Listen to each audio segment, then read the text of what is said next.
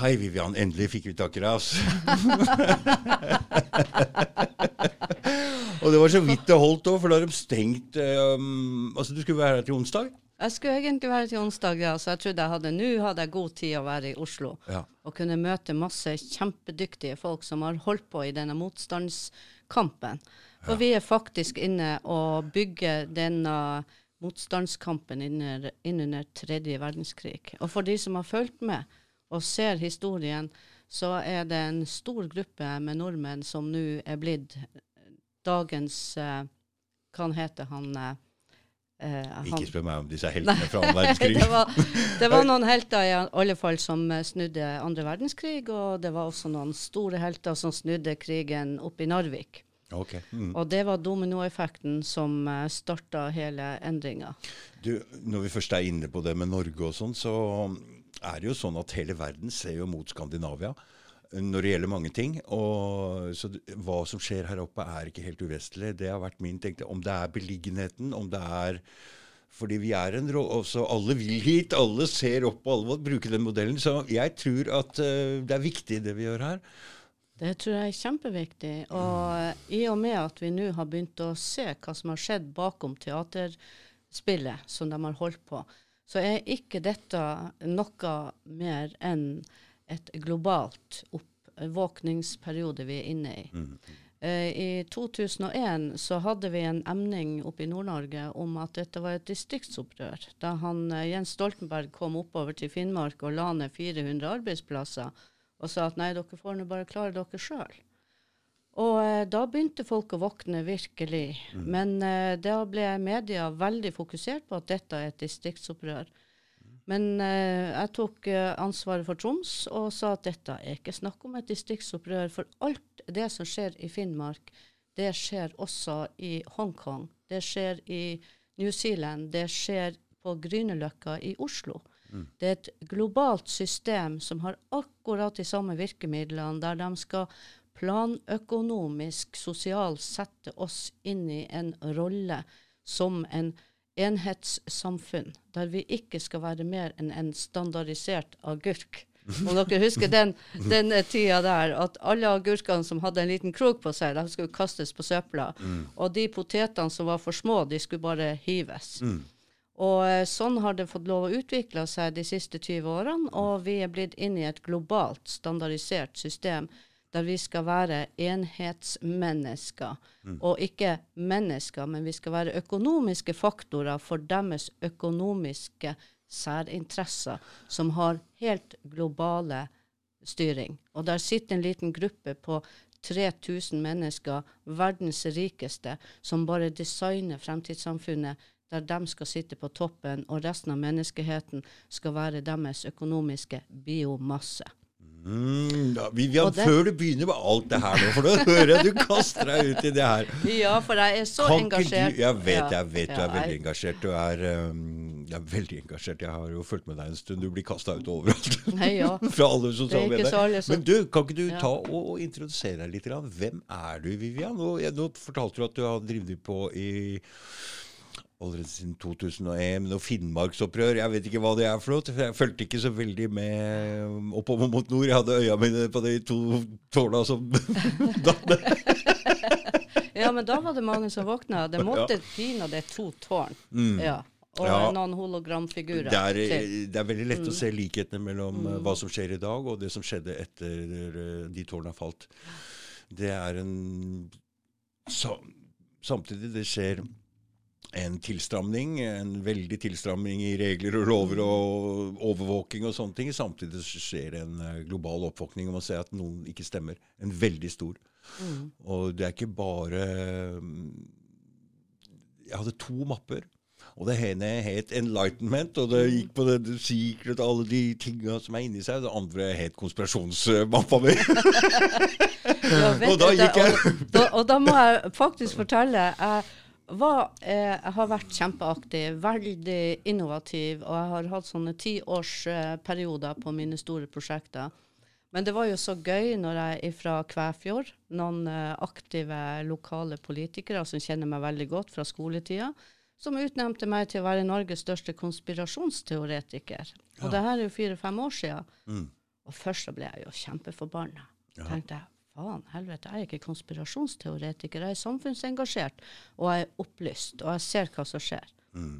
Og uh, ikke lenge etterpå så var det en som kom og sa det at han han fra Høyre, rett å merke, og sa det at neimen Vivian, du er jo Norges største sektleder. Sektleder. Sektleder. For nå skal jeg lese opp hva, eh, hva som gjorde at jeg ble en sektleder. Mm. 17. mai i 2020, da hadde jeg svartedauden i Helland. Jeg hadde vært her nede og åpna Hili i Norge. Mm. Og på veien nordover, hver gang jeg kjørte gjennom en kommune, så ble det pinadø stengt. Fordi at det hadde blitt et tilfelle av korona i, kom i kommunen. Og der kjørte jeg etter hvert jeg kjørte nordover i mars i fjor. Så bilen din må ha Ja, så jeg lemna igjen svartedauden. og så kjørte jeg jo videre nordover, og så eh, bla, så jeg jo at det her er jo da globalismens eh, store verktøy for å drive med depopulasjon. For de har fått det for seg at eh, når vi raper, og når vi fiser, når sauene i New Zealand fiser, så kommer det ut noe som heter CO2. Ja. Og det CO2, som faktisk er det som er helt naturlig i naturen. For det at vi mennesker, vi puster ut CO2. Det, har det de er bare avfall. Det er jo bare avfall, for vi Ja. spiser jo karbon. Vi spiser jo karbon, men plantene på denne planeten trenger CO2 Ja, for å ja, vokse. Så det her er jo en evig balanse som har vært her bestandig. Ja, ja. Og når de har funnet ut at her er for mye CO2, så setter de skylda på menneskeheten. Vi er for mange mennesker på denne jorda, Mm. så her må det en depopulasjon til Mm. i gang. En 80-20-fordeling, der 80% av befolkninga må dø, sånn at de globalistene kan leve videre. Også dette frøet om at vi er for mange mennesker, det er sådd inn i hvert eneste menneske, i hvert fall på den vestlige halvkulen, med propaganda fra overalt. Så det, det Hvis du spør alle her som bor på den vestlige halvkule, så tror jeg alle vil også si at vi er for mange. For det, det er noe vi har blitt fora med. Om vi er det eller ikke, det skal ikke jeg si helt sikkert, men vi begynner jo å bli en del folk. Men altså, vi her oppe, vi reproduserer oss ikke sjøl engang. I Europa. Men det er en eh, kulturell designa sak som globalistene har stått bak. Akkurat som de har drevet med endring opp gjennom alle tider etter hvert som de skulle forme et samfunn. Og det å forme et samfunn, det starter da fra en naturrett og en sedvane. Men du, du, du, du glemmer å fortelle hvem er Ja, hvor og- ja, nei, det er ikke så viktig. Det er budskapet som er viktig. Nei, Og si Vivian da, er ikke si- viktig i det hele tatt. Jo, men bare si det. Hvem er Jeg er en eh, Hvor liten bor dame på 1,55. Du var veldig liten, det var derfor jeg ikke så deg nede i gata der. Men jeg bruker å si det til alle sammen. Alle sier 'Å, Vivian, vi trodde du var så stor'. Så sier jeg to centimeter lavere enn Napoleon. Ja, ja. Ja. Mm, mm. Det er ikke størrelsen det kommer an på, men det er hvordan du ser fremtida, og hvor engasjert du er. For jo mer du er engasjert i dine egne prosjekter, jo større rom tar du. Det er klart. Og jeg kan prate i dagevis hvis jeg får muligheten til det.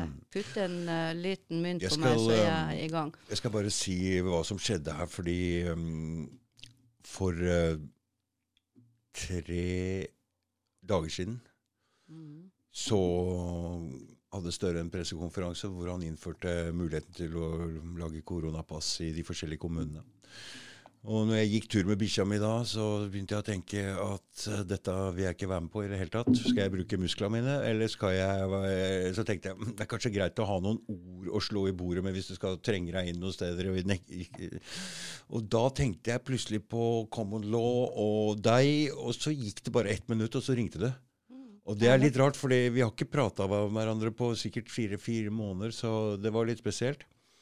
Men jeg skjønner jo hvorfor du ringte, så da tenkte jeg at nå trenger vi noe, et verktøy, et eller annet, uh, som vi må forsvare oss med.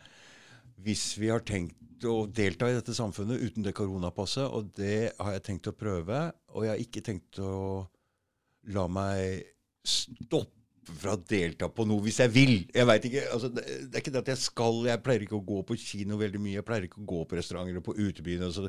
Jeg har nesten ikke blitt affektert av det som har skjedd i det hele tatt, men det er fordi jeg, jeg gikk. Men jeg vil, hvis jeg vil, så skal jeg være med. Jeg skal ikke la noen andre bestemme over meg, og det er en av grunnene til at jeg ikke vil ta vaksinen heller. Jeg vil ikke la meg presse til noe som helst. Det går ikke med meg. Jeg har motstand i meg. Rett og slett. Nei, vi er født som frie mennesker. Vi er født som levende jente eller gutt. Mm. Og det som skjer da, når vi er født, det er det at det første vi registrerer som, det er da levende født uh, kvinn... Ja, for nå begynner du å forklare litt om Ja, hva common law og ja, hva om hvordan- prosessen Mm, som mm, skjedde. mm. Og det er en viten som ikke vi har fått kjenne til. Ikke foreldrene våre, ikke besteforeldrene våre. Men det her er en historie som går helt tilbake til 1666. Ja. Så nå har vi en mulighet i dette paradigmeskiftet, for vi står nå i skillet mellom det gamle systemet, som er styrt av økonomiske særinteresser, som etter hvert er blitt så sentralisert at de sitter 3000 menn, billionærene, på toppen av verden og bruker oss som sin økonomiske biomasse. Hvis vi skal komme ut av det økonomiske slavesystemet som de har skapt gjennom alle disse hundre år, så er vi faktisk nødt å frigjøre oss sjøl. Den eneste fordi måten er... å gjøre det med, det er på en fredelig måte. Så det som blir sagt av de som er med her, det er en smooth transition to the new paradigm. Mm. Men fortell litt hva som skjedde i 1666. Hva var det, hva var det som skjedde da? Det som skjedde da i London, eh, det var den store London-brannen. Og under den brannen Napoleon tapte, var det? Nei, ja, nei. det var det også. Det var masse detaljer i det, uten at jeg er spesielt eh, historiker. Mm. Men i grove trekk så eh, var det brann i London, og eh, etter brann så visste ingen hvem som eide hva, for alt var borte. Og da var det at London City ble etablert, og de tok økonomisk ansvar og tok eierskap til alt av eiendommer, land til mennesker, og de skulle være da skatteobjekter for dem. Og da begynte de å kreve inn sine skatter. Og etter hvert så ble det utvikla det pengesystemet, sånn at de fikk da på en måte lønn til de som var da forskjellige mestere.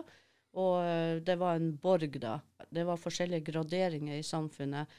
Hvem som hadde lov å være innenfor borgen og utenfor borgen. Er det City, uh, London City som var en borg? Er det det? Ja. Mm. Ja, ja. Så det, og sånn ble det utvikla videre til andre metropoler i verden. Til Singapore, til uh, Vatikanet, til uh, Amerika, med New York og Washington DC, som hadde egne regler internt. Der var de fri.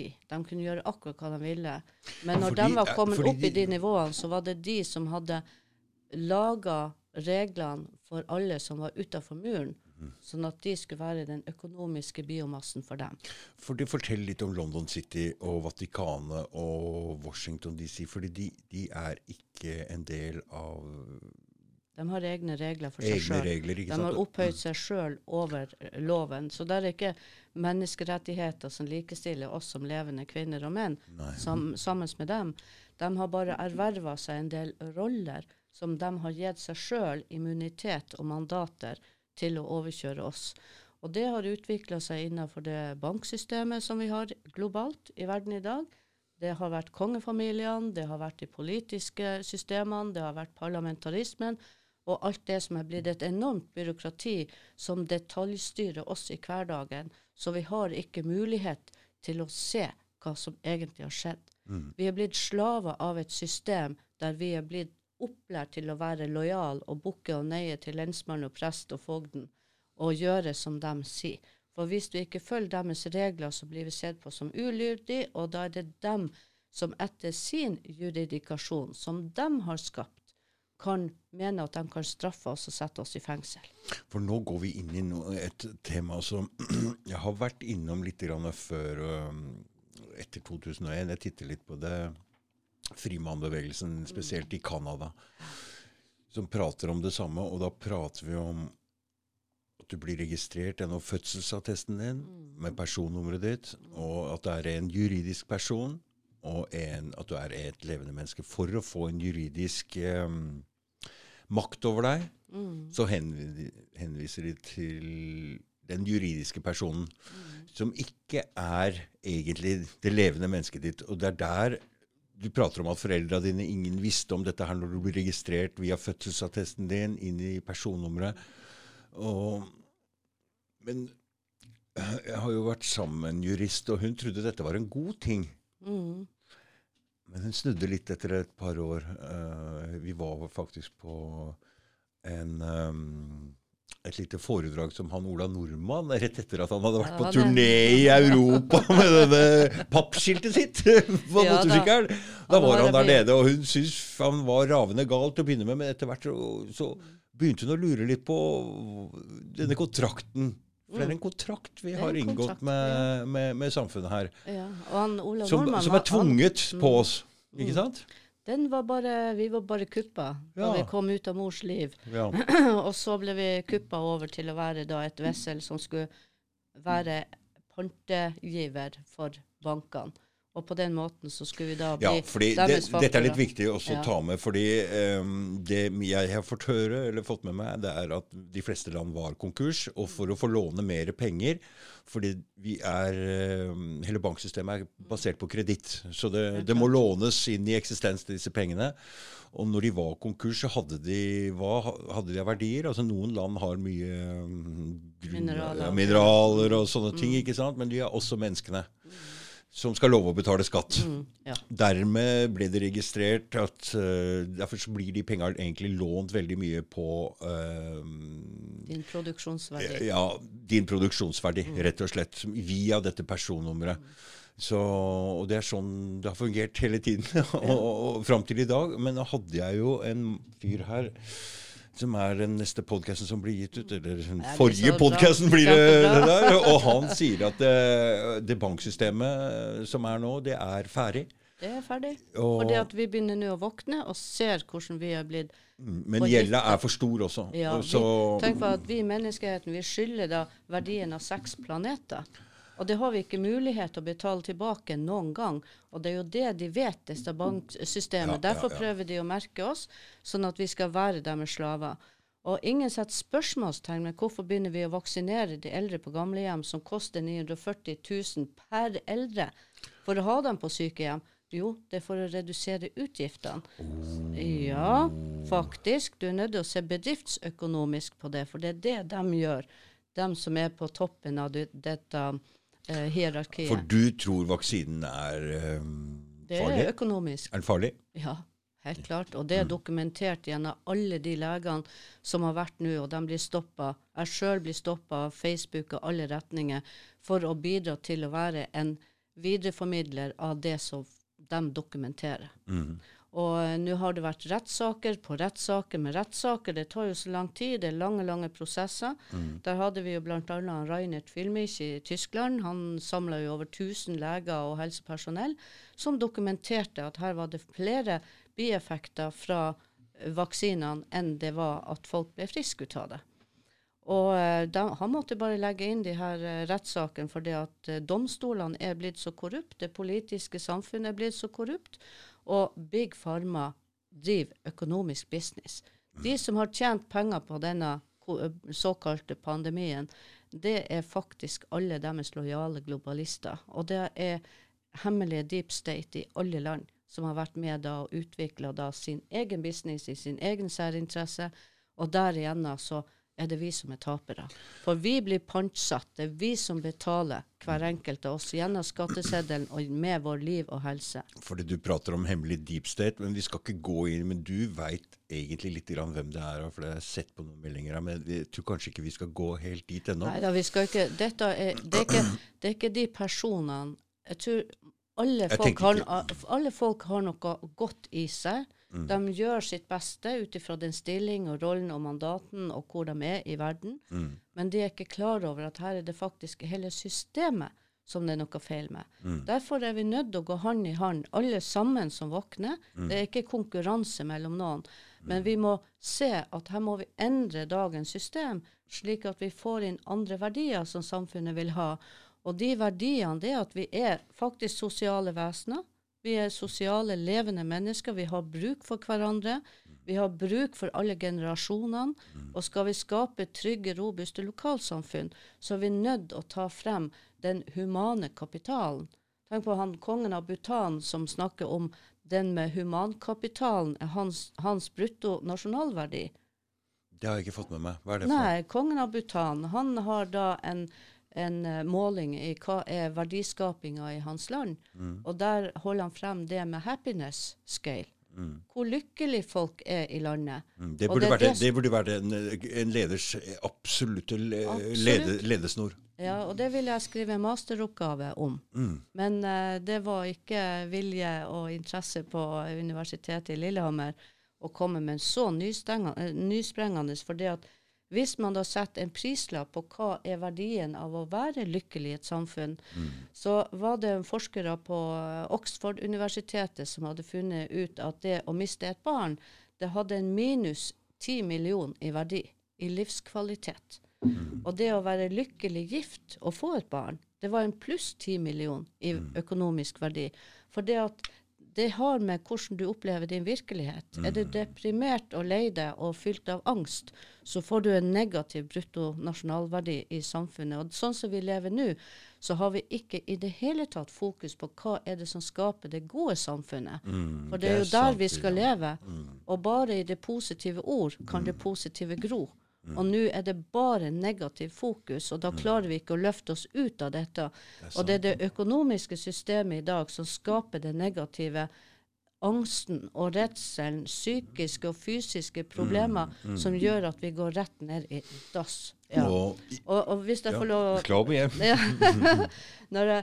Eh, for det at det er tre faktorer, og det, jeg prøver å være så kort som mulig, men det er tre faktorer som gjør at vi har dette destruktive systemet som vi må ut av. For det første så har vi et patentsystem. Alle kjenner til det. Og patentsystemet det er bygd opp sånn at du skal ha et ego, du skal eie ditt patent.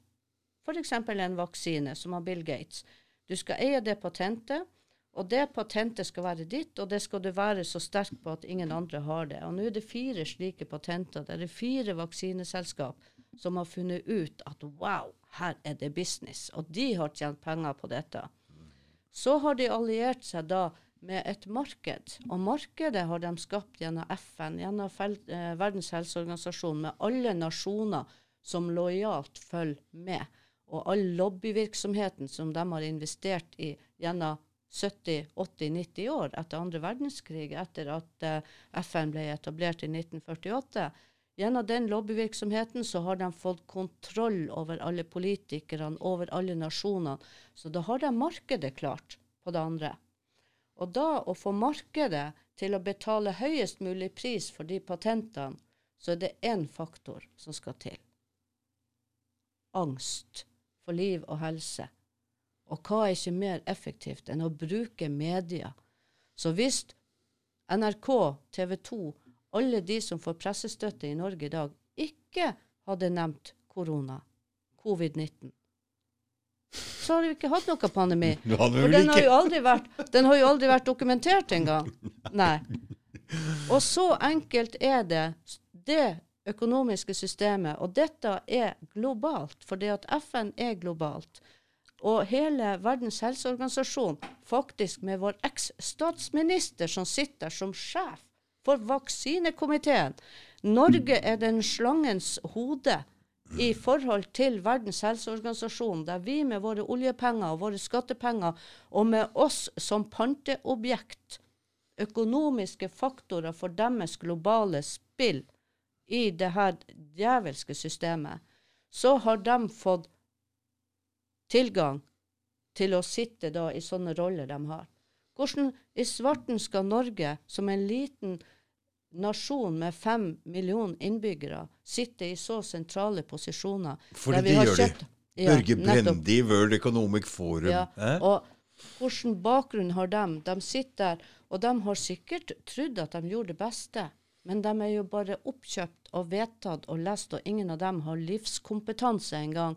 De har ikke vært ute i arbeidslivet noen gang. Og når du går gjennom de som sitter på Stortinget i dag, så har de sittet der og pugga på sine partiprogram, og det skjønner de ikke, at de kan ikke noe annet.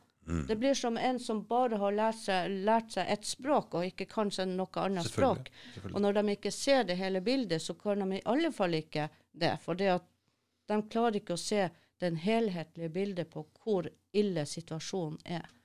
Så når du starta med å spørre hvem jeg var, så eh, da reiste da sørover og hadde svartedauden i Helland, som jeg begynte med. Så har vi faktisk svartedauden i Helland nå. Og takk til dere for at dere tar tak i dette. og at jeg får lov å komme hit og, og fortelle det. Men da jeg hadde kommet til Senja, så fant jeg ut at nei, farsken, det her, det må ut. Jeg har ingen tillit til dagens system. Jeg har ingen tillit til Gro Harlem Brundtland eller Støre eller Veum eller noen på Stortinget, for ingen av dem har snakka folkets sak. Ingen har snakka om den angsten vi er påført, og alle de økonomiske forpliktelsene de har gjort på vegne av oss. Vi ga dem en tillit som velgere, og den tilliten har de misbrukt. På engelsk så heter det trust.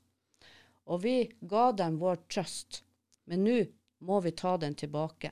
Så det jeg gjorde 17. mai da i 2020, det var å lage en direktesending. Den var faktisk over, sett over 60 000 ganger før Facebook fjerna den. For mm. det var farlig at Vivian snakka fra Senja med bunaden på 17. mai. Og her prøvde vi å få i gang en 17. mai-feiring her i Oslo, men uh, med både svarte helikopter og hageselskap. Du var der, ja. ja, ja, ja. I dress for første gang på Ja, ikke sant. Jeg satt der oppe og prøvde å ha kontroll og, og være med og, og, og, spytte i programmet litt uh, liv innimellom. Mm. Så det jeg leste opp da, på vegne av en snøballaksjon som vi hadde da, hashtag snøball. Hashtag snøball var da et signal om at her har vi viktige saker som går på urettferdig behandling av innbyggere i Norge som en snowball-effekt. For det at jo flere som lager da en snowball, jo flere snøballer kan vi da samle, og så kan vi kaste det mot regjeringa på en god måte. For det går ikke an å bruke våpen og krutt sånn som de gjorde i første verdenskrig. Den, det går ikke an å bruke atomvåpen som de brukte i andre verdenskrig. Denne tredje verdenskrigen handler om det å våkne og se det hele bildet klarere, der vi tar tilbake vår egne liv med frihet, selvstendighet og uavhengighet ifra dette systemet som holder på å ta livet av oss. For det økonomiske systemet det er så grådig at de vil ta livet av den siste fisken under Nordishavet hvis mm. de får lov til det. De vil hogge det siste treet hvis det er en mann som kan tjene penger på det. For det er kun business as usual. Og de går over lik hvis de kan tjene penger for sitt patent, for sitt ego. Så det jeg leste opp da 17. mai, det var for nasjonale, nøytrale varslergrupper for folket, som er tverrpolitisk samstemt, og som en domsavsigelse der vi tok tilbake tilliten. Og det vi gjorde, dem, det var at vi sa opp hele regjeringa. Og Erna Solberg og hele hennes globale nettverk de har ingenting i Norge å gjøre. For de har ikke fått vår tillit til å gjøre det de har gjort. Hele politietaten avsatte vi og alle deres nasjonale og internasjonale sammensetninger fordi at det går liksom over Fortell alle grenser. Nå, nå, nå, nå, nå hopper altså nå går, Nå leser jeg den 17. Ja, mai-erklæringa. Og så ja. fortell, så må du egentlig gå litt inn i hva du kan avsette du, Ja, altså, du kan klart ikke, ja. Visst kan jeg det. Jeg har tatt tilliten tilbake. Mm. Jeg, jeg, I min verden, som fri, selvstendig, uavhengig menneske, så kan jeg velge hvem jeg vil ha en relasjon til. Ja. ja. Og når jeg har meldt meg inn som en fri, levende kvinne, mm -hmm. ja, så sier jeg at nei, det er slutt. Vi har ikke noe forhold mer. Jeg nei. har ikke gitt deg tilliten, så nå tar jeg tilliten tilbake. Mm. Og hvis alle i Norge hadde gjort det samme, og mm. sier at nei, nå har dere misbrukt min tillit Det er som å gi 100 kroner til en unge som skal gå på ja, butikken fordi, og kjøpe noe, og så kommer han tilbake med noe helt annet. Hvis de ikke forstår at disse politikerne nå uh, altså De lyver jo hele altså, Det er jo helt altså, De har jo til og med vedtatt at det er lov å lyve, ja, og ikke holde det de ja, lover. Så, så, så, vi må, altså, tilliten til politikerne, den, den, den, altså, den er lenge siden forsvant. Mm. Og det tror jeg egentlig de aller fleste har fått med seg, at de lyver. De holder aldri valgløfter. Ingenting. Og ikke gjør de noe bedre for oss. Og så sto Erna Solberg der for to år siden snart og holdt en nyttårstall og sa hun kunne ikke love oss at vi skulle få det bedre. Nei. Og det ser vi jo nå. Nå ser vi strømmen går opp. Vi ser Nå går renta opp. Vi ser mm. alle matvarer har blitt mm. dyrere. Alle ting blir dyrere. Og vi er på vei Vi får mindre og mindre og mindre. De, de kutter budsjett de sparer. Og så hører vi om summer som vi ikke forstår hvor store er engang, som de dytter inn i alt mulig annet ut av Norge. Ja. Med oss, Ut av Norge. med oss som pantgivere. Og det verste er at hvis det er sånn at det banksystemet som han Runar eh, prater om nå, forsvinner og ryker, og hele greia går til helvete, så forsvinner oljefondet vårt! Det er borte for lenge siden. Det er borte for lenge siden. Det har de jo uh, brukt til For vi har jo aldri fått lov å bruke noe av penga her i Norge. Nei har du hørt maken til merkelig greie? Jeg har aldri hørt Hvorfor skal ikke få lov? Vi skal spare dem. Ok, greit, det er fint å spare dem, men uh, det er én ting er å spare de penga, men å døtte dem ut på fond Og hvis den dollaren ryker nå, som er egentlig den lille Petrodollaren som blir borte. Petrodollaren er visst borte allerede. Ifølge Runar så dro um, Putin til Nigeria og Lavrov til eh, Saudi-Arabia. Skrev kontrakt om å unngå å bruke dollar.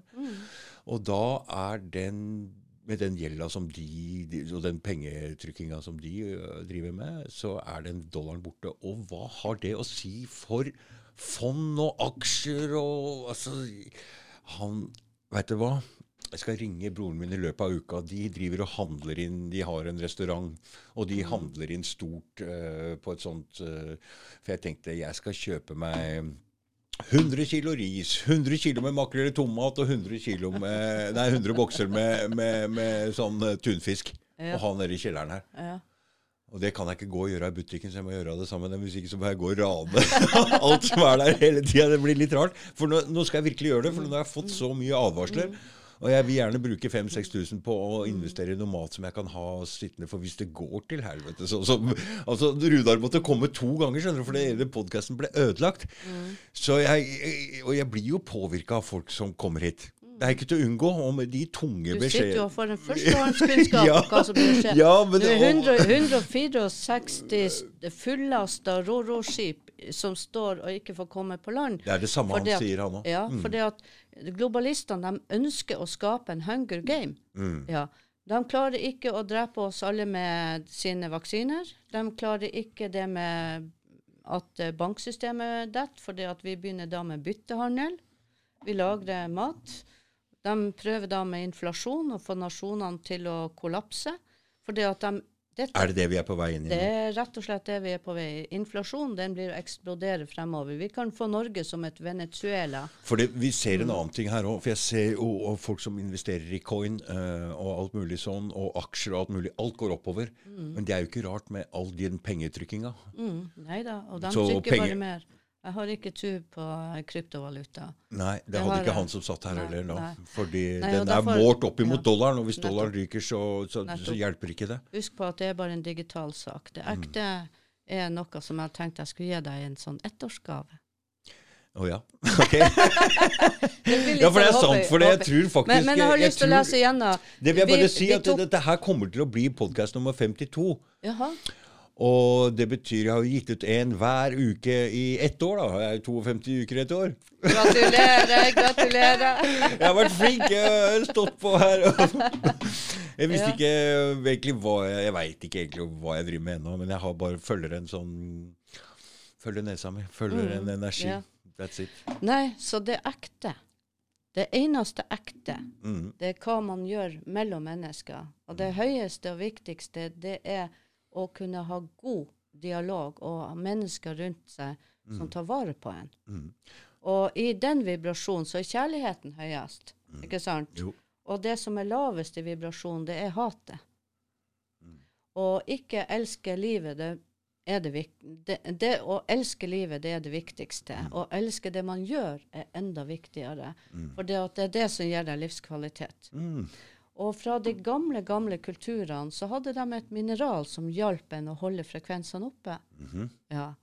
Så jeg skal gi deg noe som ligner på det mineralet. Mm. I ettårsgave. OK. Ja. Og det er faktisk gullforgylt. ok. For jeg har Det var stor, du!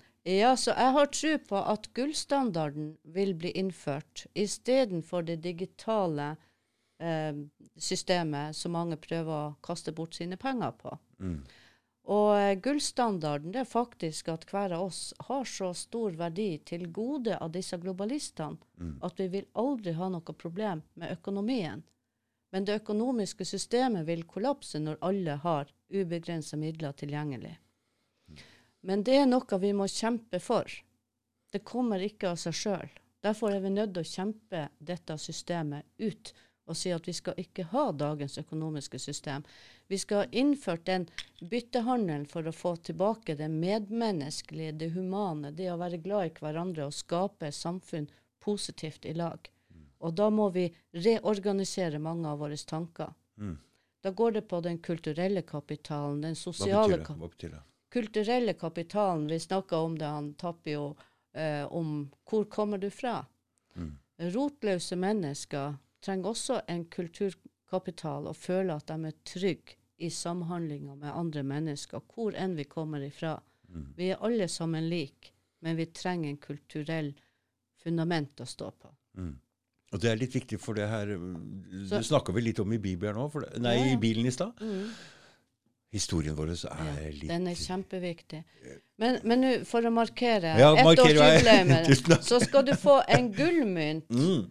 Det står én euro på den. ah, ja. Men det skal stå De har skrevet feil i, uh, euro. Det skal egentlig stå ettårsjubileum. Ja, tusen takk. takk skal du ha. takk, takk. Eh, ja, nå kommer jeg helt ut av det her.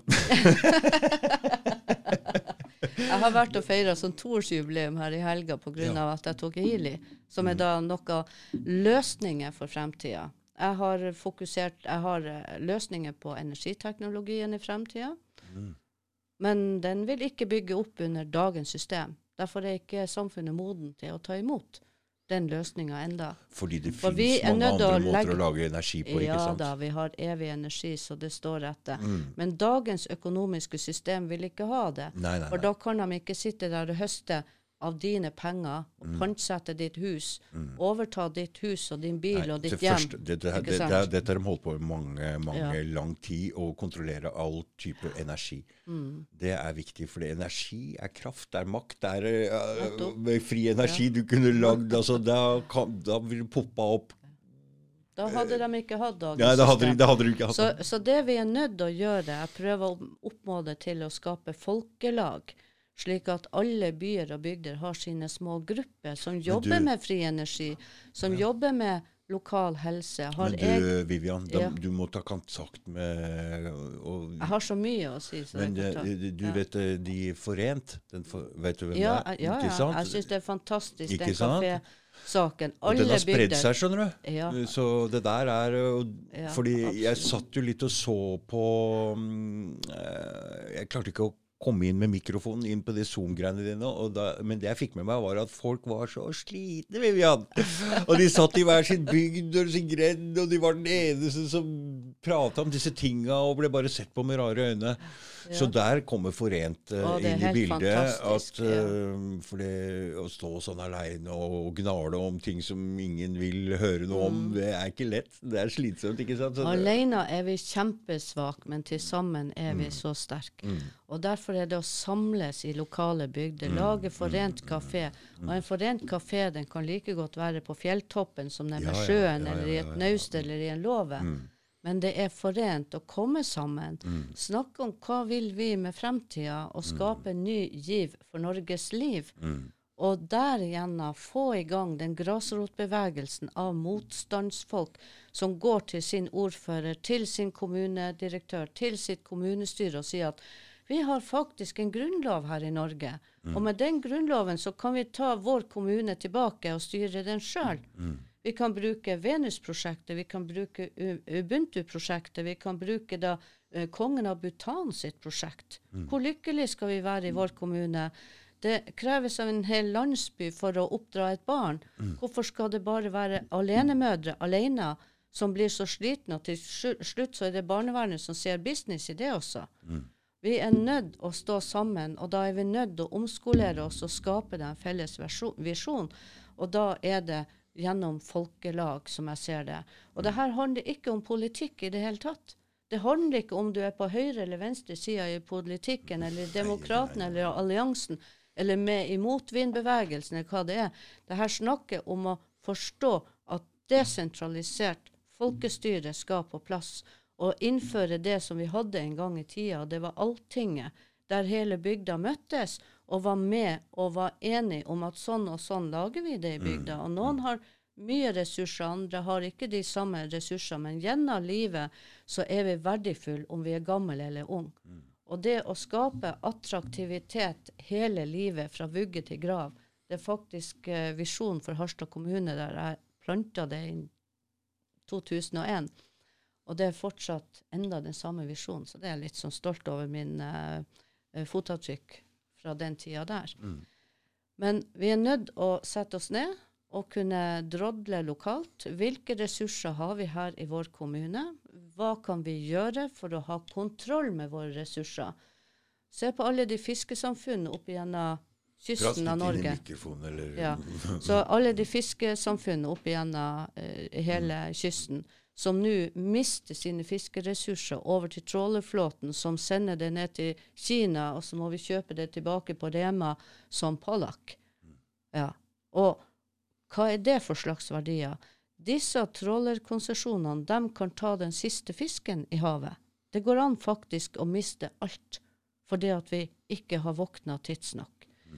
Alle kystsamfunn kan ta tilbake eierskapet innenfor en 200 mil-sone om så, mm.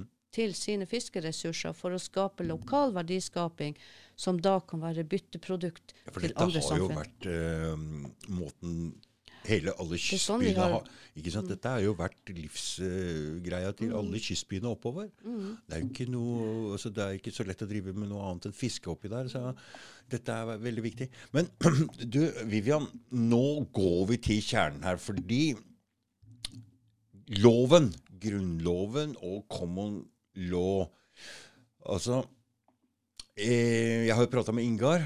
Mm. Han står på Grunnloven. Eh, Marius reiker og sier Grunnloven. Du sier common law. Hva er forskjellen her, egentlig? Eh, common law, mm. det er den naturretten og sedvaneretten. Da må vi ta det litt sånn historisk, sånn at mm. folk For det er veldig lett å blande sammen veldig mange begrep. Ja. Så jeg bruker sjøl et bilde mm. i alle mine foredrag.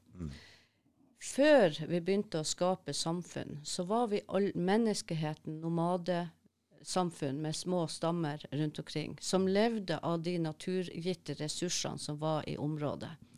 Etter hvert som vi begynte da å bli bofast og ha egne kveg, eller kameler for den saks skyld, så ble det da en naturrett å ha tilgang til de naturressursene som var i det området. Mm. Og det ble utvikla da en sedvane i alle kulturer om at det er tre regler som gjelder. Den sedvanen var do no harm, altså ikke skad andre. Mm. Make no loss to others, altså ikke påfør noen andre et tap. Og do no pain, ikke skape lidelse til andre. Så enkle regler som en kardemommeby i Kardemommebyloven, det kjenner alle sammen. Og hvis dere ikke kjenner den, så gå inn og les om han Hans Egede. Han var kjempeflink med sine bøker og gir en oppdragelse til flere generasjoner i Norge. Men nå er til og med hans bøker blitt forbudt. Det er jo helt forferdelig. Det har med kulturkapital å drive med dannelse av samfunn. Hvorfor han, Hvilke bøker med han som er forbudt? Han hadde jo, skole, ti, han hadde jo skolebøker for alle ti eh, grunnskoleår. Mm. Ja og alle hans eh, eh, regler om hvordan å være dannet mot hverandre, oppføre seg pent og greit og ikke gjøre andre vondt. ikke sant? Og alle kjenner jo B-gjengen ja, hos han, ikke sant? Stortinget i dag er B-gjengen. Du mener Kasper Esper Jonathan? Ja. Men du, skal jeg fortelle noe morsomt? eh, sønnen min heter Kasper. Ja. Og eh, brødrene mine har to eh, sønner, de også. En hver. Ja. En heter Jesper. Jaha. Og han tredje heter Jonathan. Nei, sier du det? Så det er tre fettere som heter ja. Kasper og Jesper og Jonathan, som ja. vi har. Det ikke ikke rart? Ja. Kjempebra. Ja, men de blir aldri med i stortingslaget. Nei. så, så det som da skjedde, det var jo det at samfunnet ble etablert. Og etter hvert som at de samfunn hadde nok varer til overs, så begynte byttehandelen det var å eh, bytte kameler mot kyr. Det var bare et eksempel. Eller skinn mot fisk. Og da begynte folk å reise mer. Og det å være kreativ i den byttehandelen, så var det å Hvordan skal vi da forflytte oss fra den landloven, som da var naturretten og sedvaneretten, her over til nye samfunn. Landloven, ja. Ja. Landloven. Ja. Det var jo det som var grunnlaget. Det var grunnloven. Det var vollene som ga lov. Mm. Og det, på de vollene så var det av lov er landet bygget. Mm. Av ulov skal landet falle. Og vi er inne i den prosessen av ulov, for det at de har misbrukt vår grunnlov. Med over 16 000 direkte mandater og direktiver som ikke har noe med Grunnloven å gjøre, for det ligger under sjøloven, som er law of the water. Og law of the water, det er administrative, kommersialiserte er handelskontrakter. Hand, Handelskontrakter, Ja, sant? og vi er blitt en handelskontrakt fra den dagen vi står registrert med vår fødselsattest. For da er det kongen som eier oss som en businessdel. Og kjøper og selger oss, og pantsetter oss, og avgiftlegger oss. Uten at vi har godkjent det. Uten at vi har skrevet en eneste handelskontrakt med kongen. Men du, nå satt jo Ingar her og sier at mm, Grunnloven er landets høyeste lov. Ja, Og hvis det er noen lover eller regler som strider mot Grunnloven, så må de vike i forskjell til Grunnloven. Men når jeg prater med jurister, så lærer de ingenting om Grunnloven på, på, på jusstudiet. mm, nettopp. Og det Hva har jeg fått bekrefta. Bekreftet? Ja, ja, ja. Jeg ringte og snakka med sjefen på juridisk fakultet på Universitetet i Tromsø. Og spurte er det noen som har noe kunnskap om eh, landets lov. Om Grunnloven. Nei, det er nå Øre, Professor Ørebekk, men han er jo nå pensjonist. Og han jobba, brukte da naturretten og sedvaneretten i forhold til gråsoneforhandlingene, der Hans Støre var med. Og det var jo den businessen som ble... Støre med? Der var Treholt òg, ikke det? Ja, ja, ja. Så det var Treholt masse og Evensen og Ja, det var i Gro sin uh, tid, det der der. Mm. Så der skjedde veldig mye rart på den tida. Når Norge ga gråsonen over til Russland og en masse business under som hemmelighetsstempler, selvsagt. Er det hemmelighetsstempla? Ja da, det er ikke mulig Tror du Arne. Treholt vil prate om det? Det kunne du ha invitert han hit. Jeg har prata med han du, flere ganger, og det stranda litt på at jeg ikke har lest ferdig boka hans, og mm. ikke har lært meg å ha videointervju over Zoom. Mm. Men det må jeg se til, for det han har sagt ja, skjønner du. Å, så bra!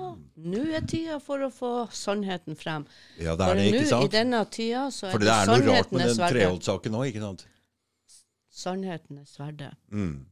Der er mye Ja, som det er gjort. helt, altså det er helt Og vi er nødt til å det er få det frem sann- prøver, ja, det, altså det er det hele tida jeg prøver nå, Mm. og det skal jeg si også, fordi det er så mye rart på nettet nå, at hvis du ikke står i, prøver å stå og snakke sant, og prøver å stå i sannhet sjøl, så har du ikke, ikke sjans, fordi jeg mener at sannheten har en egen frekvens. Den har det. Den har en egen Du kan høre, når du hører noen snakker ut ifra sin egen sannhet, så vil du høre en energi der som gjør at det er Å, hva er det der?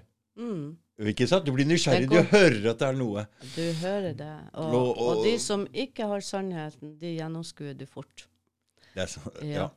Visst, Og, og for, å, ja, for å si videre det, eh, Mm. om det her med landloven, så Mm. eh, han uh, Ingar har jeg jo med. Han er jo med i Common Law Court. Så. Mm.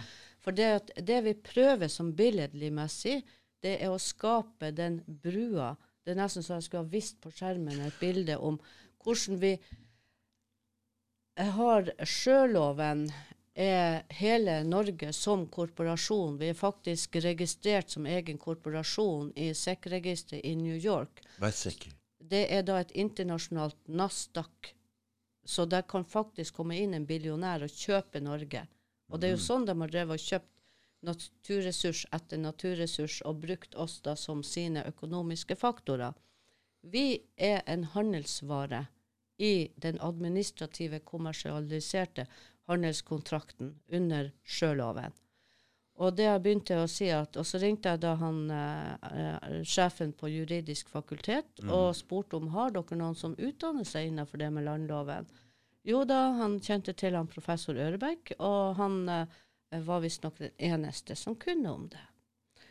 Og så sa jeg ja, men det var jo eh, Da er vi jo nødt til å skape en stor, større interesse for common law i Norge. Sånn at det kan være et nok studentgrunnlag, sånn at det kan skapes en egen utdanning. Sa du For det til han? Ja, ja. Hva sa han? Ja, han hadde ikke hørt det spørsmålet før, men det var jo veldig interessant, sa han. Rørbekka? Nei, han har jeg ikke fått tak i, for han er pensjonist. Men jeg har på planen at jeg skulle besøke han, men nå ble jeg jo stoppa av han eh, ordføreren i Tromsø. Ja, for det, du, vi, vi, det vi sa helt på førsten her, at du skulle egentlig være her til onsdag. Ja da, jeg skulle Men- det til men- 17. 17. er min dag. Hver, dag i 17, hver 17. dag så skjer det noe stort. Så, og det, og det, og men det går ikke, fordi de har stengt ned Tromsø. Ja, De stenger ned Tromsø i i morgen. I morgen. Fra, klokka tolv i natt. Og da må du ha det derre Da må jeg ha vaksinepass. vaksinepass. Ja, Hvordan ser det ut? vaksinert. Hvordan ser det ut? Jeg har ikke peiling, men jeg skal nå aldri ha det. Er det, har et, er det en lapp som du må ha med deg? Eller? Ja, jeg må ha en lapp på at jeg er vaksinert. Jeg skal nå vel svart Får man en lapp når man tar vaksine? Ja, da får du et pass om at du er vaksinert. Oh. Ja. Det skulle ikke jeg ha. Nå har jeg gått, reist over seks grenser i sommer. Ja, det Ja. så jeg. jeg så i hvert fall det ene ordet. Men, men det tar jo så mye tid. Jeg har ikke tid å holde på der og krangle med politi. Ja, men Du ble venner med noen av dem? Hæ? Du ble venner med to av dem? Ja, ja, ja. Det var to av dem. De ble jo veldig nysgjerrig på Ja, det så hva er det her for noe. Så fikk de jo alle de her har linkene og studerte nøye. Og jeg hører jo rykter om at det er veldig mange politimenn i Norge som begynner å våkne. Du, jeg hadde jo en politimann her. Hadde du det? Ja, ja, ja. Åh. De har lagd en egen side Ja. Som heter Husker ikke hva den heter, jeg nå. Men uh, han har skrevet han, Fordi jeg så uh, et innlegg han skrev i Politiforum. ja. Og jeg bare Oh my God, Å, han må bra. komme hit! Ja. Så han, trenger- jeg spurte ja. hvor mange er dere. Han sa vi er ei lita gruppe, men eh, en av oss er sammen med en jurist som har vært i den hyttesaken, så vi står på trygg grunn. Ja, ja, ja. Så han er verken eh, vaksinert eller eh, Ja, noe. det så- Og, så det er godt å se at det er både politifolk, jurister, alt mulig som vi har med oss her. Det er ikke noen liten gruppe. Vi blir flere og flere. Det er ikke Ja. noen hvem som helst. altså. Nei da, og nå er det at vi får laga de eh, gruppene lokalt. Mm. Og mitt ønskedrøm det er at vi kunne hatt minst én representant fra hver kommune, eller flest mulig kommuner, flertallet av kommunene i Norge. Og så kan vi gå ned på Stortinget, og så sier vi at nå har vi tatt tilliten tilbake. Mm. Vi representerer oss sjøl under law of the land. Vi har tatt Grunnloven tilbake. Vi har tatt no vår naturrett tilbake. Vi har tatt sedvaneretten tilbake. For dere har ikke utført den tilliten som dere fikk. Og da kan vi følge arbeidsmiljøvernloven. Der er det sånn at du skal ha 30 punkt på at du har misbrukt din stilling og stand. Og da kan du etter den rettssaken da si opp folk. Og vi kan med vår fulle rett si opp hele Stortinget, hele påtalemakten, hele domstolssystemet, hele politietaten og alle de som ikke har fulgt opp den tilliten som vi ga dem. Som det norske folk. Men da må vi våkne mange flere, for det var eh, tøft å stå alene i en sånn krig. Man blir eh, utestengt fra familien, man blir utestengt fra offentlige arenaer, utestengt fra Facebook, og alle veier. Så det er kjempetøft å stå i det. Men jeg ser det jo klarere og klarere at jo mer de prøver å stenge meg ned, jo viktigere er stemmen min. Men ikke bare min, men alle de andre som kommer på din podkast. Så Ja, det her er uh, Ja. det blitt et, Jeg føler det her har blitt en sånn samlingsgreie av folk som om, vi driver, spiser seg inn på det samme fra forskjellige kanter. ja. Men Det er- spiser seg mot sannheten her fra forskjellige kanter. ja. Og fordi det er mange små ting å bite tak i her. Men hvorfor jeg egentlig ville ha deg? Få noen ord jeg kan bruke mot dette systemet hvis jeg vil på kino. Hvis jeg ikke Hvis, vil da sier du jeg er en fri mann som tar ansvaret for mitt liv og min helse. mm. Og det har jeg jeg er erklært jo meg en, eh, om jeg Og det kan du skrive på en papirlappe og vise jeg har ansvaret for meg sjøl, og du har ikke noen juridikasjon Mm. Du, å sånn ta det fra levd. meg. Mm. Sånn har jeg faktisk levd hele tida. Ja. nekt, helt siden jeg var liten, så har jeg vært sånn som det der. Mm. Jeg hadde nemlig full back oppbacking her hjemmefra. På en måte på, Jeg hadde en pappa som ga meg veldig mye tillit, selv om jeg var en skikkelig banditt på skolen. Så jeg eh, strakk opp hånda. Det var meg. Hva skal du gjøre med det? Så jeg og ja, Så jeg føler jeg var allerede ganske voksen da jeg var liten. Og nå når jeg er voksen ikke kom og kjeft. Ikke prøv å si noe til meg. Det går ikke. Du bare boff, bort med deg. Noen kjefter på meg med bikkja går løs, eller jeg bare. Jeg tar ansvar for meg og bikkja mi, og ikke bland deg borti det. Jeg veit ikke om noe båndtvang her. Hva er det du prater Ja, om? Men da må du ikke skade andre. Ikke påføre andre lidelse. Nei, ja, men det, Ja, det, det, eller noe så, så det å gå tilbake og få det elementære inn, det lærer jo ikke ungene på skolen engang. Du, jeg var veldig god her, skjønner du. Jeg, jeg skulle til Bergen. Mm. Og jeg eh, later som ikke jeg hører noe om maske eller leser noe om maske eller noen ting. Jeg bare traver rett inn på flyet der, og det, alle hadde maske. Og, men jeg hørte dem snakka noe om på høyttaleren og sånn. Men så når flyvertinna kom bort til meg og så på meg og Men hun skulle bare ha meg til å trekke ned den Ikke vinduet. sant? Ikke sant? For du, Og, og hun bare Mm. Så de ja. og, og, du kan, og, om du skrider på en lappe, ja, det, det er bare at du sjøl står i din egen kraft. Mm. Så det er mer enn nok, egentlig. mm. Men vi er så vant med at vi må ha et skriftlig dokument å forholde oss til. Mm. Så derfor stoler vi ikke på noe hvis ikke vi har et bevis for det. Mm, Og jeg har leita på internett hvor kan jeg da hjelpe alle de som ikke har tro på at det går an å gjøre sånn som han Ola Nordmann, sånn som Ingunn uh, Sigurdsdatter. For de gjorde det bare med et notat, og de frigjorde seg sjøl. Og det er flere som har gjort det. Og da leter jeg rundt for den samme diskusjonen om å gå tilbake til law of the land, til naturretten og sedvaneretten. Det er et horv av forskjellige du, miljø som jobber problemet er jo at vi møter folk som ikke skjønner noe av det. Nettopp. Ikke sant? Vi, Derfor må de ha et dokument. de må ha et dokument. Ja. Mm. For å lære seg det. Mm. Vi har lært at du må åpne boka på skolen, og så må du lære det. Og så må du pugge det. Fordi jeg ser jo Ola Nordmann sliter når han går inn der og prater om alt bruk av øh, personnummer og navn er ulovlig. Det er jo ingen som skjønner noe av det. Vi. Nei, ikke sant? Så, så jeg var på leiting etter hvor er det enkelt å finne det, Mm. og gratis. For det at det er så mange konsulenter som plutselig skal tjene penger på denne oppvåkninga. Okay. Og Mark Kristoffer han snakker om Live Life Claim. Kjempeflotte videoer og forklaringer han har. Men prøv å gå inn der, så må du betale penger. Det skal være gratis å være født. Det er en gratis naturrett. Hvorfor skal det ha med økonomi å gjøre? Og så har du da Russell J, som også da Gold, han er jo også da inne, og han snakker om The Sovereign Man. Du kan kjøpe boka på 500 sider eller noe sånt. Eller ta internettkurs som koster oppi 10 000 kroner. Oh. Vær så god. Ok. Og så kan du gå videre. Så jeg leter etter Anna von Reitz har jeg støtta meg til, Karin Hudes, eh, Christopher James, og det er masse, masse. Så jeg har brukt enormt mye tid sjøl, etter at jeg sjøl begynte å våkne i 2001. Og da var det Twin Tower som gjorde det. Men jeg måtte bare legge ned den der systemrebellgruppa jeg hadde i Harstad. Jeg hadde jo 150 deltakere på de her møtene. Men da ble jeg plutselig liksom Oi, du er jo som Al Qaida, du. For det som har skjedd der borte, sannheten den kommer frem. Den var for å skjule all opiumproduksjon i Afghanistan. For de har den beste opiumplantasjen i verden.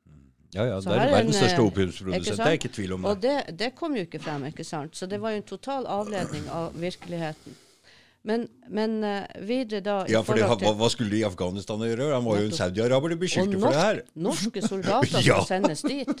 Ja. Ikke sant? Helt vilt. Så i 20 år har denne krigen foregått, og Mm. nå først begynner sannheten å komme frem. Og det som eh, Nå må du ta tilbake det stikkordet, for nå prata jeg meg bort fra det som var Det var landets lov. Ja, mm. Og, og da med å bruke Grunnloven er viktig da, for vi skal gå over tilbake til landets lov, for det at under sjøloven, som vi har vært kuppa som økonomiske objekter i det globale spillet, så er det som et skip som drifter av gårde mot New World. Ja, Citizenship, ikke sant? sitt, ja. Og, det, og der drifter vi av gårde til New World Order.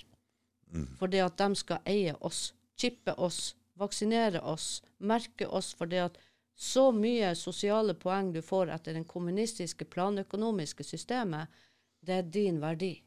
Derfor må du gjøre akkurat som de sier, hvis ikke så bare knipser de deg bort. Og derfor må vi tilbake til landets lov, for det er ikke sånn vi vil ha det. Vi er individualister. Vi har alle våre forskjellige gener og alle våre eh, individualiteter. Det er ingen mennesker som er like. Og vi skal elske hverandre fordi vi på forskjellene våre. på alle forskjellene. For det For, de for hvis man skal samarbeide med noen, så må man ikke samarbeide med de som er lik seg. Da, du må ha noen med andre egenskaper. Hvis ikke, så kommer du ikke videre Nei, det gjør du vel ikke? Ja, så det er tre juridikasjoner. Det første er da law of the land. Det har med naturretten og sedvaneretten. Mm. Og så, når vi begynte å bevege oss og hadde byttehandel, så måtte vi ha noen kreative oppfinnere, gründere og innovatører. Jeg kaller meg sjøl for å være intraprenør. En intraprenør er en som driver med endringsledelse. Jeg er ikke ansatt i noen storbedrift, men i en storbedrift så ville jeg kanskje hatt 100 prosjekter å lede og være mentor for. Men jeg er mentor i mitt eget liv og prøver endringsledelse. Og dette er et prosjekt som tar ti år for å drive endringsledelse i Norge. Og, nu, og jeg bruker nå fra 2021 så vil jeg bruke ti år av mitt liv for å endre Norge til ny giv for Norges liv. Og det ligger under juridikasjon, law of the air. Og jeg har samla på løsninger for lokalt eierskap for energi. Vi kan eie våre egne kraftverk, men da må det være lokale folkelag. Dere får ikke vite disse teknologiene før dere har etablert et lokalt folkelag gjennom en forent kafé, f.eks. for hvor eksempel. mange? Hvor mange? Alle, ja, minst eh, Hvis vi sier tall 17. Du liker det tallet!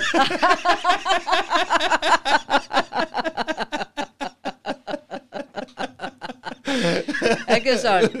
Kan vi si at 17 forent kafé, minimum, så skal jeg komme dit og holde foredrag og gi dere noen hemmeligheter. Og så, når det gjelder helsa, for hvis vi ikke har god helse, psykisk og fysisk, så har vi ikke si overskudd det en gang til å til. bygge Hvis vi det. er 17 stykker her i nabolaget, så kan Ja. vi få gratis energi. Ja, Muligheten for å lage gratis energi. ja. Jeg komme tror jeg blir mer og mer aktuelt, for nå er strømmen dyr, altså. Ja. Greit. Mm. Men jeg veit ikke med de naboene jeg bor i, et litt sånn Jeg har eh, hatt møter med alle offentlige sektorer om det, og de vet hva jeg holder på med. Mm. Men de eh, er redd. Neste. Der er løsning, og det Mm. neste det er på helse. For hvis du ikke har god helse, så har du ikke overskudd til de andre. Hvis du har dårlig helse, så må de andre gi deg energi, omsorg og pleie. Mm. Ja.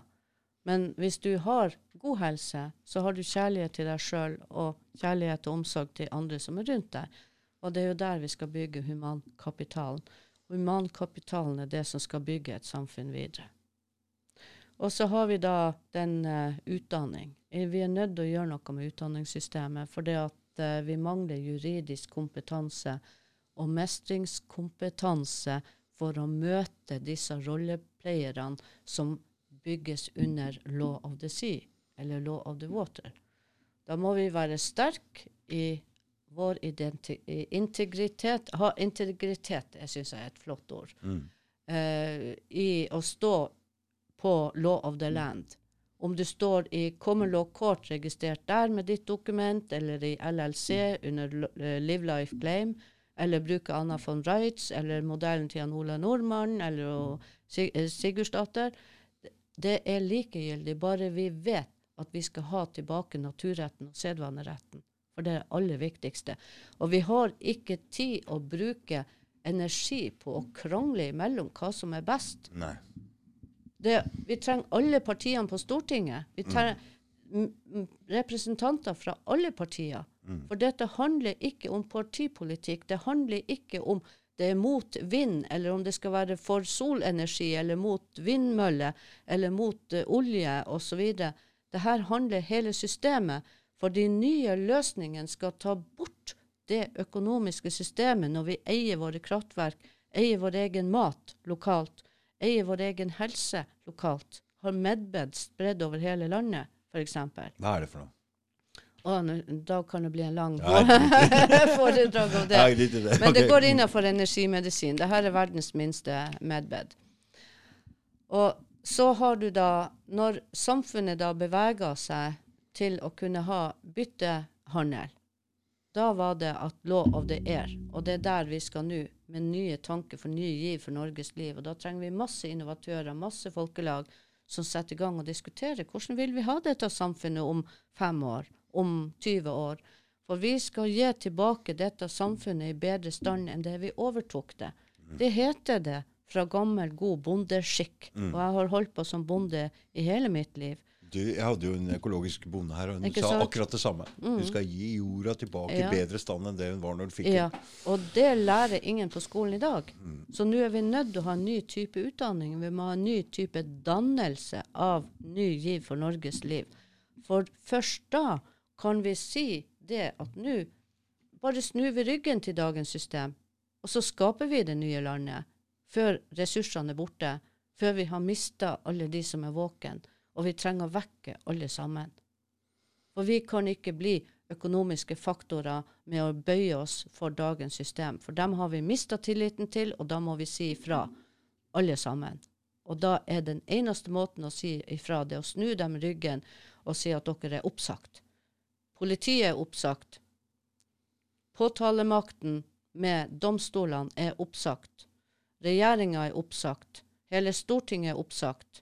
Samtlige kommunestyrer, ordførere og kommunedirektører er oppsagt, for de følger ikke folkets vilje. Nei, men Dere da, følger et system som ikke er bestemt av folket men direkte. det skjønner jeg, men da må folk være voksne nok til å ta av ansvaret sjøl. Nettopp.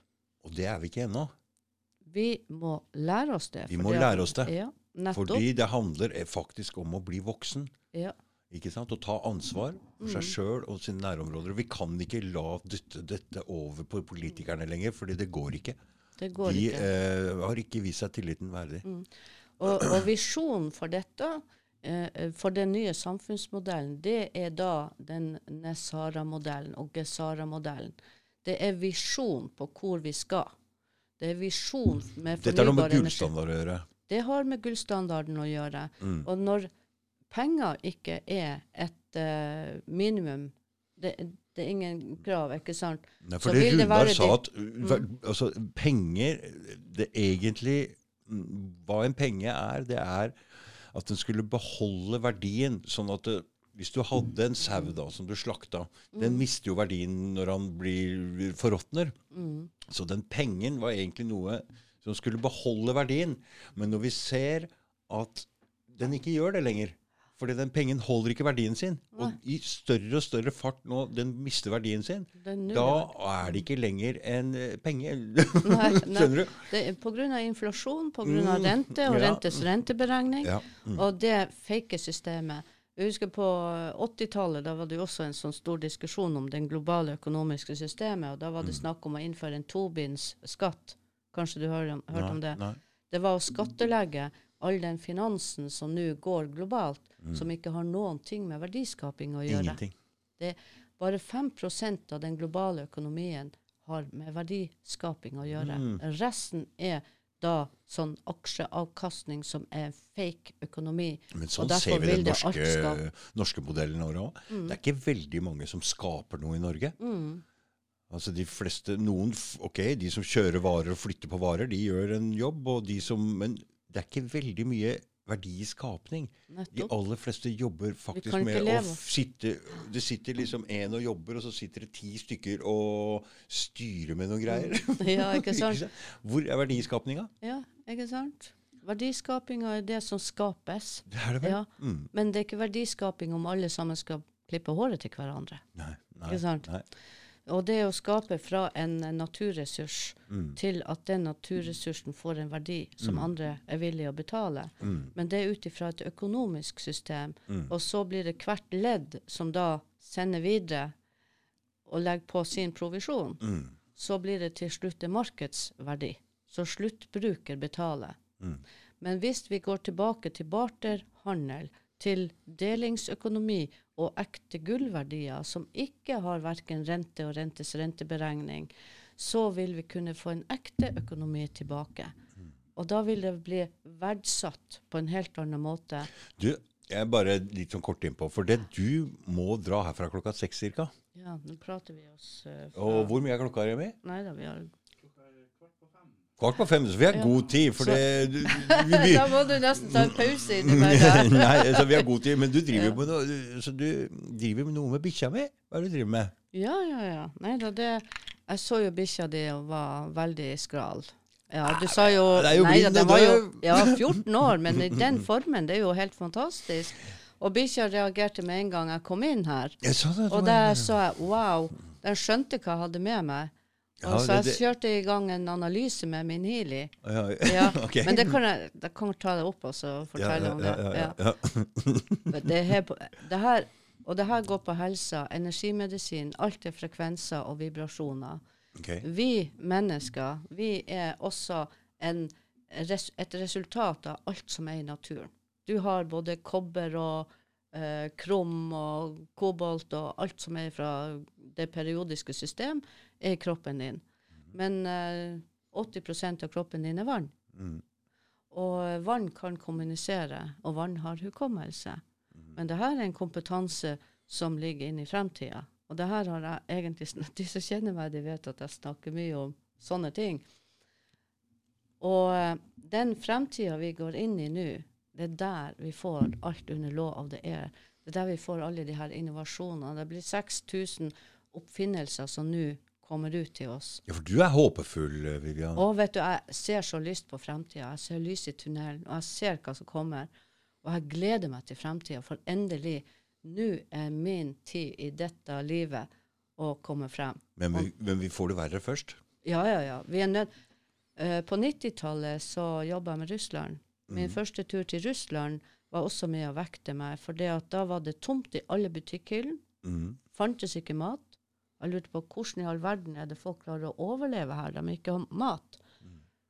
De hadde byttehandel. Og da bytta de tjenester, og de som hadde mat, hadde en datsja, for 70% av matproduksjonen i Russland var faktisk da eh, ja, eh, på den datsjaen som var en hytte. Det en eh, hytte. I fritida så har alle familiene liksom sin dacha. Der har de sin egen potethage og sine egne grønnsaker. Og så er det kanskje gamle bestemor som er der og passer på hønsen, så de har egg til eh, Og kanskje noen geiter. og men det er sjølberginga i et samfunn er det viktigste måleparameteret på at det samfunnet klarer å gå gjennom tøffe tider. Men dette har de jo bygget ned systematisk Eh, i, rundt omkring i Norge. Altså, vi lagt ned små bondegårder, det skal over på større, det skal ut. I utlandet Det har vært vanskelig å være liten bonde. Altså. ja, ja, jeg har gått gjennom alle de årene siden 80-tallet, vi starta med 15 kyr og utvikla til Nord-Norges største økologiske kjøtt- og melkeproduksjon. Har du? Ja. Men det driver vi ikke med. Nei, ikke nå. Nå er det neste generasjon som driver den gården. Oh ja, oh ja, Men det var ingen av dem som ville drive med kjøtt- og melkeproduksjon, for da er det kjempestore kapitalinvesteringer, så det ble Nord-Norges største private hestesportsenter istedenfor. For folk vil ha opplevelse Mm, og læring. mm. Kontakt med dyr.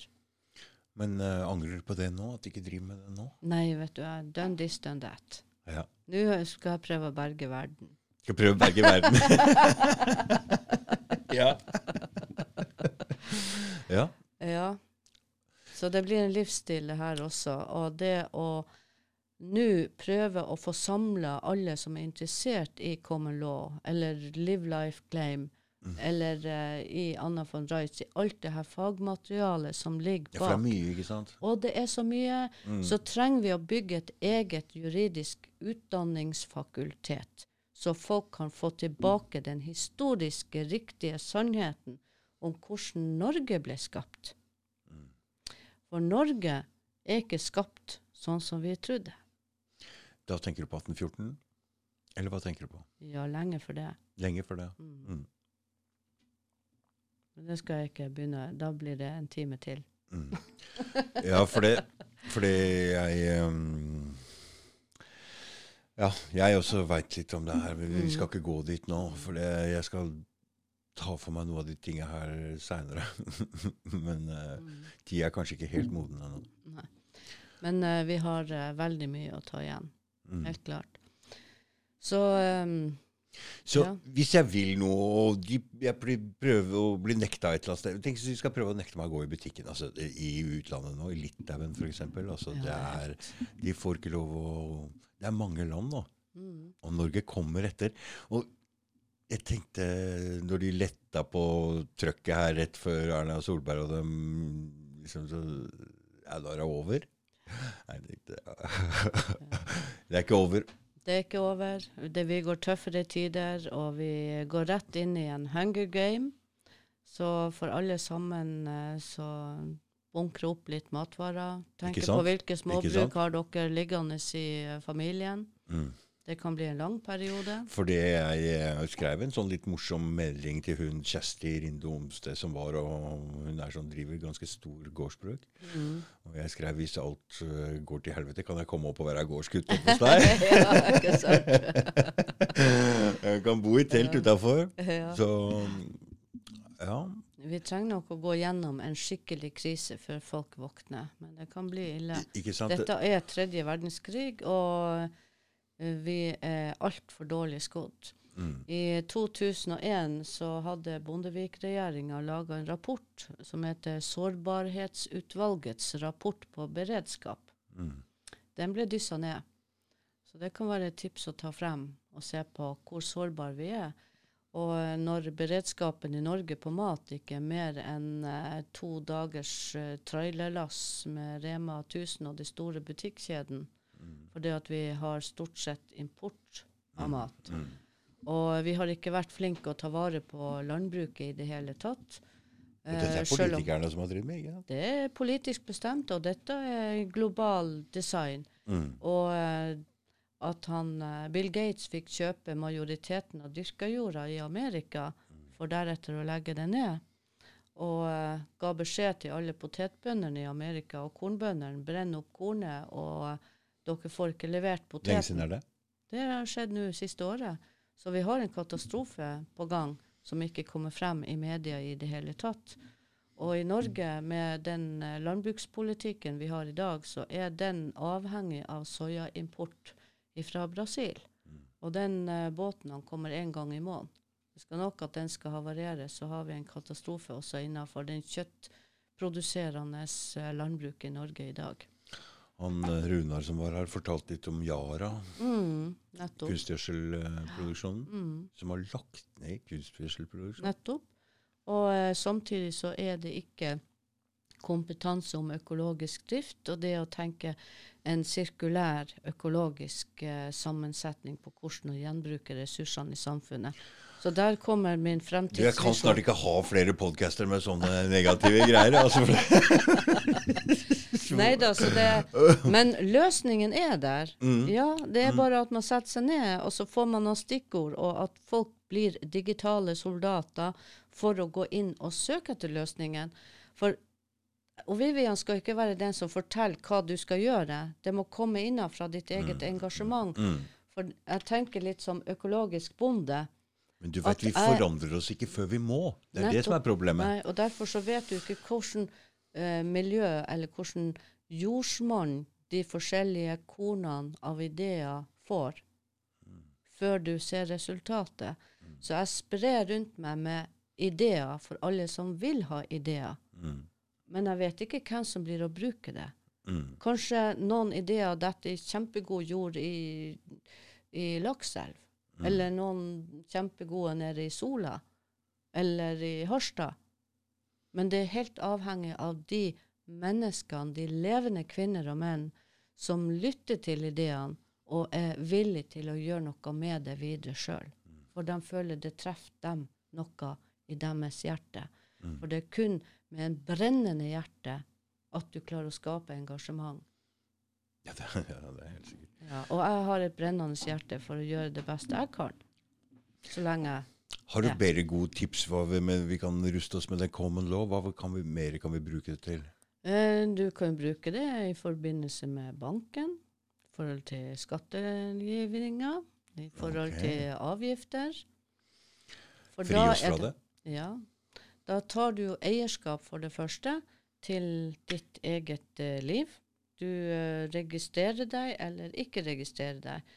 Bare at det offentlige, som er da under juridikasjon om uh, law of sea eller law of water, de må jo være informert om at du har tatt tilbake din frihet. Hvordan gjøres det? Da gjøres det rett og slett med sånn som han eh, John Smith har gjort det enkelt eh, på sin hjemmeside. Der er det helt gratis å gjøre det. Så tar du og får deg et eget birth certificate, og da har du gitt beskjed om at da har du tatt ditt det Det kan du gjøre som på sida hans, eller Det hva? kan du gjøre på hans side. Da får du tilsett et eget uh, Da får du det, skriver du det ut, og så har du det. Mm. Og eh, alternativt så kan du gå tilbake til der du ble født, og få utskrift av det jordmora skrev. Ah, det gikk ikke Du vet, jeg prøvde. Ja, ikke sant? Så, så det er jo hvor enkelt eller hvor vanskelig man vil gjøre det. Mm. Og, og så når du har da det nummeret da på en måte registrert, da, så kan du ta eierskap til din bil, til din Ja, men bolig. hvordan, hvordan, hvordan? Da går du inn på Kommelå kort, og så tar du eierskap over alt det som står registrert under det norske registeret. For fra 1. Men må januar du si fra der, da? Må du si fra til dem? Eller holder det med at du gjør det sjøl? Du gjør det sjøl. Gjør det sjøl? Ja. Du trenger ikke å skrive deg ut fra det ene registeret og inn i det andre. da, du har Du, fra, du har ikke inngått kontrakten? Nei, nettopp. Du tar tilbake det de har stjålet ifra deg. Mm. Ja. For det Og- og- greia, han Runar også sa en, Han også syns det er interessant det med kontrakter, fordi det går alltid an å gå ut av en kontrakt. Mm. Fordi det her er også en kontrakter som vi egentlig ikke er fullt informert om. Og Nei, det du var jo god- helt uvitende om det. om det, ikke sant? Og du har vært i god tro i hele livet. Mm. Mm. Og nå er du bevisst og gjør din did. Mm. Du gjør din gjerning. Fordi du mener at huset som er registrert, Mm. eier ikke jeg. Nei, du har bare en Bilen bruksrett. og motorsykkelen som jeg har, er egentlig ikke min. Nei, Du har bare en bruksrett. så det er derfor de kan komme og ta det, Mm. hvis du ikke betaler. Ja. Og det samme er det med meg. De eier på en måte meg også, for Mm. siden jeg er registrert hos dem. ja. Da du, Derfor de bestemme, det er derfor de kan bestemme over meg i retten. Mm. Det er det du Ja. mener her, ikke sant? Og Derfor er vi nødt til å bygge opp erfaringskompetanse på å bruke common law. Men altså, Mm. de frimenn, frimann, altså, de sliter jo Ola Nordmann sliter jo med dette her. Altså, det er, de vil jo fange deg inn i dette. De vil jo ikke slippe deg. Ja, så alene så står vi svakt, men jo flere vi blir, jo sterkere blir vi. Mm. Og det å få i gang en egen utdanning i Norge er kjempeviktig. For det at det er bare gjennom at vi får en dannelse av en ny forståelse for hvilken juridikasjon Mm. vi kan hevde som levende. Og det har vært kjempetøft for de som står alene i det. Mm. Og særlig Og jeg kan jo tenke meg at så lenge vi har det såpass bra som vi har det nå, så er det ikke veldig mange som er interessert i å gå den veien. Fordi som sagt, det er, det er en Å gå foran der, det er, det er ikke lett. Er Jeg vet jo hva som har skjedd med, med mange som har prøvd seg på det her, og både i utlandet og i Norge. De blir bare høvla ned, og det går ikke. Men hvis nøden blir stor nok, og vanskelighetene Så er det klart at det er flere som vil søke den veien. mm, Vi Så- må bare være mange nok som Mm, tør. mm, Og hvis ingen tør, og ingen tar initiativ, Mm. så kommer vi ingen vei. Nei, Da men De er aller fleste sitter så godt i det som de Ja. gjør, ikke sant? og de vil må- ikke prøve på det. De må pines litt til. De må pines litt. altså Ja. Vi trenger å få det Men sånn er det med alle ting. altså Alle folk må ned på Forandring er ikke noe folk går frivillig inn i. Du må uh, nesten tvinges inn til forandring. uh, Mm. Fordi mm, sånn er vi bare lagd. Så lenge vi har det trygt og godt, og du ser at det går an å fortsette sånn som du gjør, så vil du. Men når du må altså, må forandre deg, så gjør du det. Mm. Og hvis vi kommer til det punktet hvor vi må, Mm. da er dette veldig interessant. Da må vi ha dette i bakhånd. Da det er det jeg tenkte. skjønner du. Vi må Da- ha dette her i bakhånd. Ja, så, så det er bare for folk Begynn å søke dere opp på Common Law Court, Common Law Court og på Live Life Claim, på uh, Anna von Reitz, på Christopher James, på alle de som jobber om sovereign man. Mm. For det er å ta tilbake eierskapet til sine egne liv. Fordi Og så finne gode si verktøy som, i møte med alle de rolleplayerne som bare har et skilt med et nummer, for de er ikke levende kvinner og menn. Men med notice of liability så kan du kle av dem den rollen. Så Mm. det blir som keiseren uten klær. Mm. De har ingenting Fordi du samarbeider også med jurister, Vivian, ikke sant? Ja da, har Ikke eh, jurister også. Mm, For det er, det er ikke bare bullshit det her, for de har også fattet interesse for det. Mm. De ser også den svakheten, kan du si, i det juridiske systemet, eller hvor, hvor, Mm. hvor skeivt det egentlig er, og ser at vi har ikke ordentlige rettigheter der. Det ikke, blir ikke behandla ordentlig. Det er mange ting der som ikke stemmer helt. Så det er, du har også, Jeg veit at du har det som Ja jobber da, med deg. det er- Jeg kjenner jo det. Ja da, så det er flere advokater, og jeg hadde jo til og med en professor i juss som var inne her på For jeg har sendinger hver mandag og tirsdag, Mm, og det har jeg holdt på med siden januar-februar. mm, Så da har vi inne både forelesere og innledere, og vi har hatt inne folk fra The International Tribunal of eh, Justice. Vi har hatt fra tribun International Tribunal of eh, Public Health med han Michael Sassio. Så det kommer inn utenlandske Ja, ja, ja. Så vi har jo fått flere og flere fra flere land som kommer. Jeg fikk til og med forespørsel om jeg kunne komme til India og holde foredrag. Det er vanskelig nå. Og, Hva holder med Oslo, Vivian? Fra, fra, ja, ikke sant? I hvert fall nå som Tromsø blir stengte. ja. Hæ? ja, helt sykt. Hva er det som skjer oppe i Tromsø? Nei, de har Arbeiderparti-ordfører og arbeid, SV var, tror jeg, or, eh, varaordfører, og de er jo kjempelojale. Mm. Eh, det som jeg vet, er jo det at eh, mye av eh, denne Illuminati-miljøet står veldig sterkt her. Illuminati. Så der er Ja. noen som er veldig tro mot globalismens eh, designa system. Mm. Hva er det som er så fælt oppe i Tromsø? Er det mange innlagte på sjukehus? Altså, det er jo kaldere der oppe enn det her, og vinteren kommer litt før, så det er ikke rart det er Eh, influensasjuke. Men hva er det som Man Vi skal vel ta oppe? livet av uh, all reiselivsnæringa oppe i Nord-Norge, for dem er jo veldig attraktivt for utenlandske investorer. Og nå har vi jo hvalsafari der oppe, som er kjempepopulært. Mm. Og nordlyset. Ja. Mm. Så eh, der er en agenda du- bak. Du tenker hele tida om noe annet, ikke sant? Hver gang noe skjer. Ja, ja, ja. Jeg ser bare løsninger. Jeg ser hva, hva, hva er alibiet. Mm. Og det er klart at uh, der er en del du du sier hva er motivet, ikke sant? Hele tiden når du ser noe skjer, hva er motivet bak her? What's in it for them? Mm. Ja, follow the money. Mm. Ja. Hvem blir å tjene på at reiselivsnæringa ligger eh, knekt rygg oppe i Nord-Norge? Så når de og kineserne som har kjøpt eh, store arealer oppe i Lyngen, annet. Og det er klart at fiskeressursene der oppe i det sirkumpolare området Det er de interessert i. Oh, oh, ja. For dem ja, ja, ja. Så da er det om å gjøre å legge ned flest mulig fiskevær og la, hele det området. Tenk på hvor stort areal egentlig Nord-Norge er. mm. Og hvor mye Og, og hele Nord-Norge, da, med Altså, den nye Nordøstpassasjen, når de begynner med den, Ja, det er bare hvis det smelter der oppe, eller? det, de kjører jo båter nå. Ja. Ja. Og det er jo den største business-logistikkavdelinga, så da er det om å gjøre å bare legge ned Nord-Norge, sånn at kineserne får det som gave ifra Hans Støre. Gråsonen er forhandla. Så du må se det store bildet. Mm. Vi er en liten planet. Så når de stenger ned oppe i Tromsø nå, så ser ikke du på smittetallene og sånn og Nei, nei, nei. tenker at dette er bra, endelig får vi slutt på den smitta, og endelig kan vi Nei da, det er et spill. Det er et spill, ikke Det er et spill. Det er ikke tvil om. Mm. Jeg har med meg en Healy, så jeg er beskytta.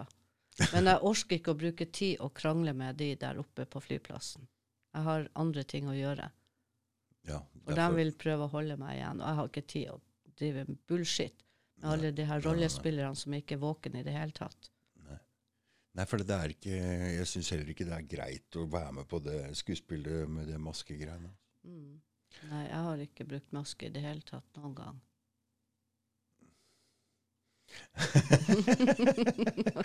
Sitter Remi her, han eh, kommer med tommel opp for det. Remi, du mista jo jobben. Nekta å gå med maske. Ja, ja. Jeg uh, tyssa kollegaer Mhm. Det er ingen som hører deg, men eh, han gjorde det i hvert fall. det. Ja. Så ja, sånn er det. Det var faktisk en nordlending som satt eh, her og følger med på det tekniske. Ja, ja. Ja. Eller finnmarking, jeg. Finnmarking. Ja. Finnmark. Det er Finnmark. Arbeidskollega og nå Ja. podcastkollega. Og. Ja, ja, det er bra. Kjempebra. Nei da, så jeg skulle kunne vist deg den annen hvis, hvis det går an å vise på bildet, liksom. Mm, Sånn at folk ser litt tydeligere at uh, det er da tre juridikasjoner. Det første, og det er da med hjertet. At du ser at det er der vi skaper kjærligheten til hverandre, til naturen. Det med å do no harm, make no pain. Nei, ingen Make som no ser loss. skjønner du. Vi skulle gjort okay. litt forarbeid på forhånd, så kunne han dratt opp på ene Akkurat. Han ja, kunne dratt opp på ene skjermen. ja, Men eh, det blir for dårlig bilde, det der nå. ja, altså det. Så, det- så det å se hele menneskehetens utvikling over 200 000 år Vi kan heller legge link opp til uh, hvis det er på nettet. Den har jeg ikke lagt ut på nettet. Nei. Nei. Men uh, du kan få kopi av det bildet og bruke en annen setting. Mm.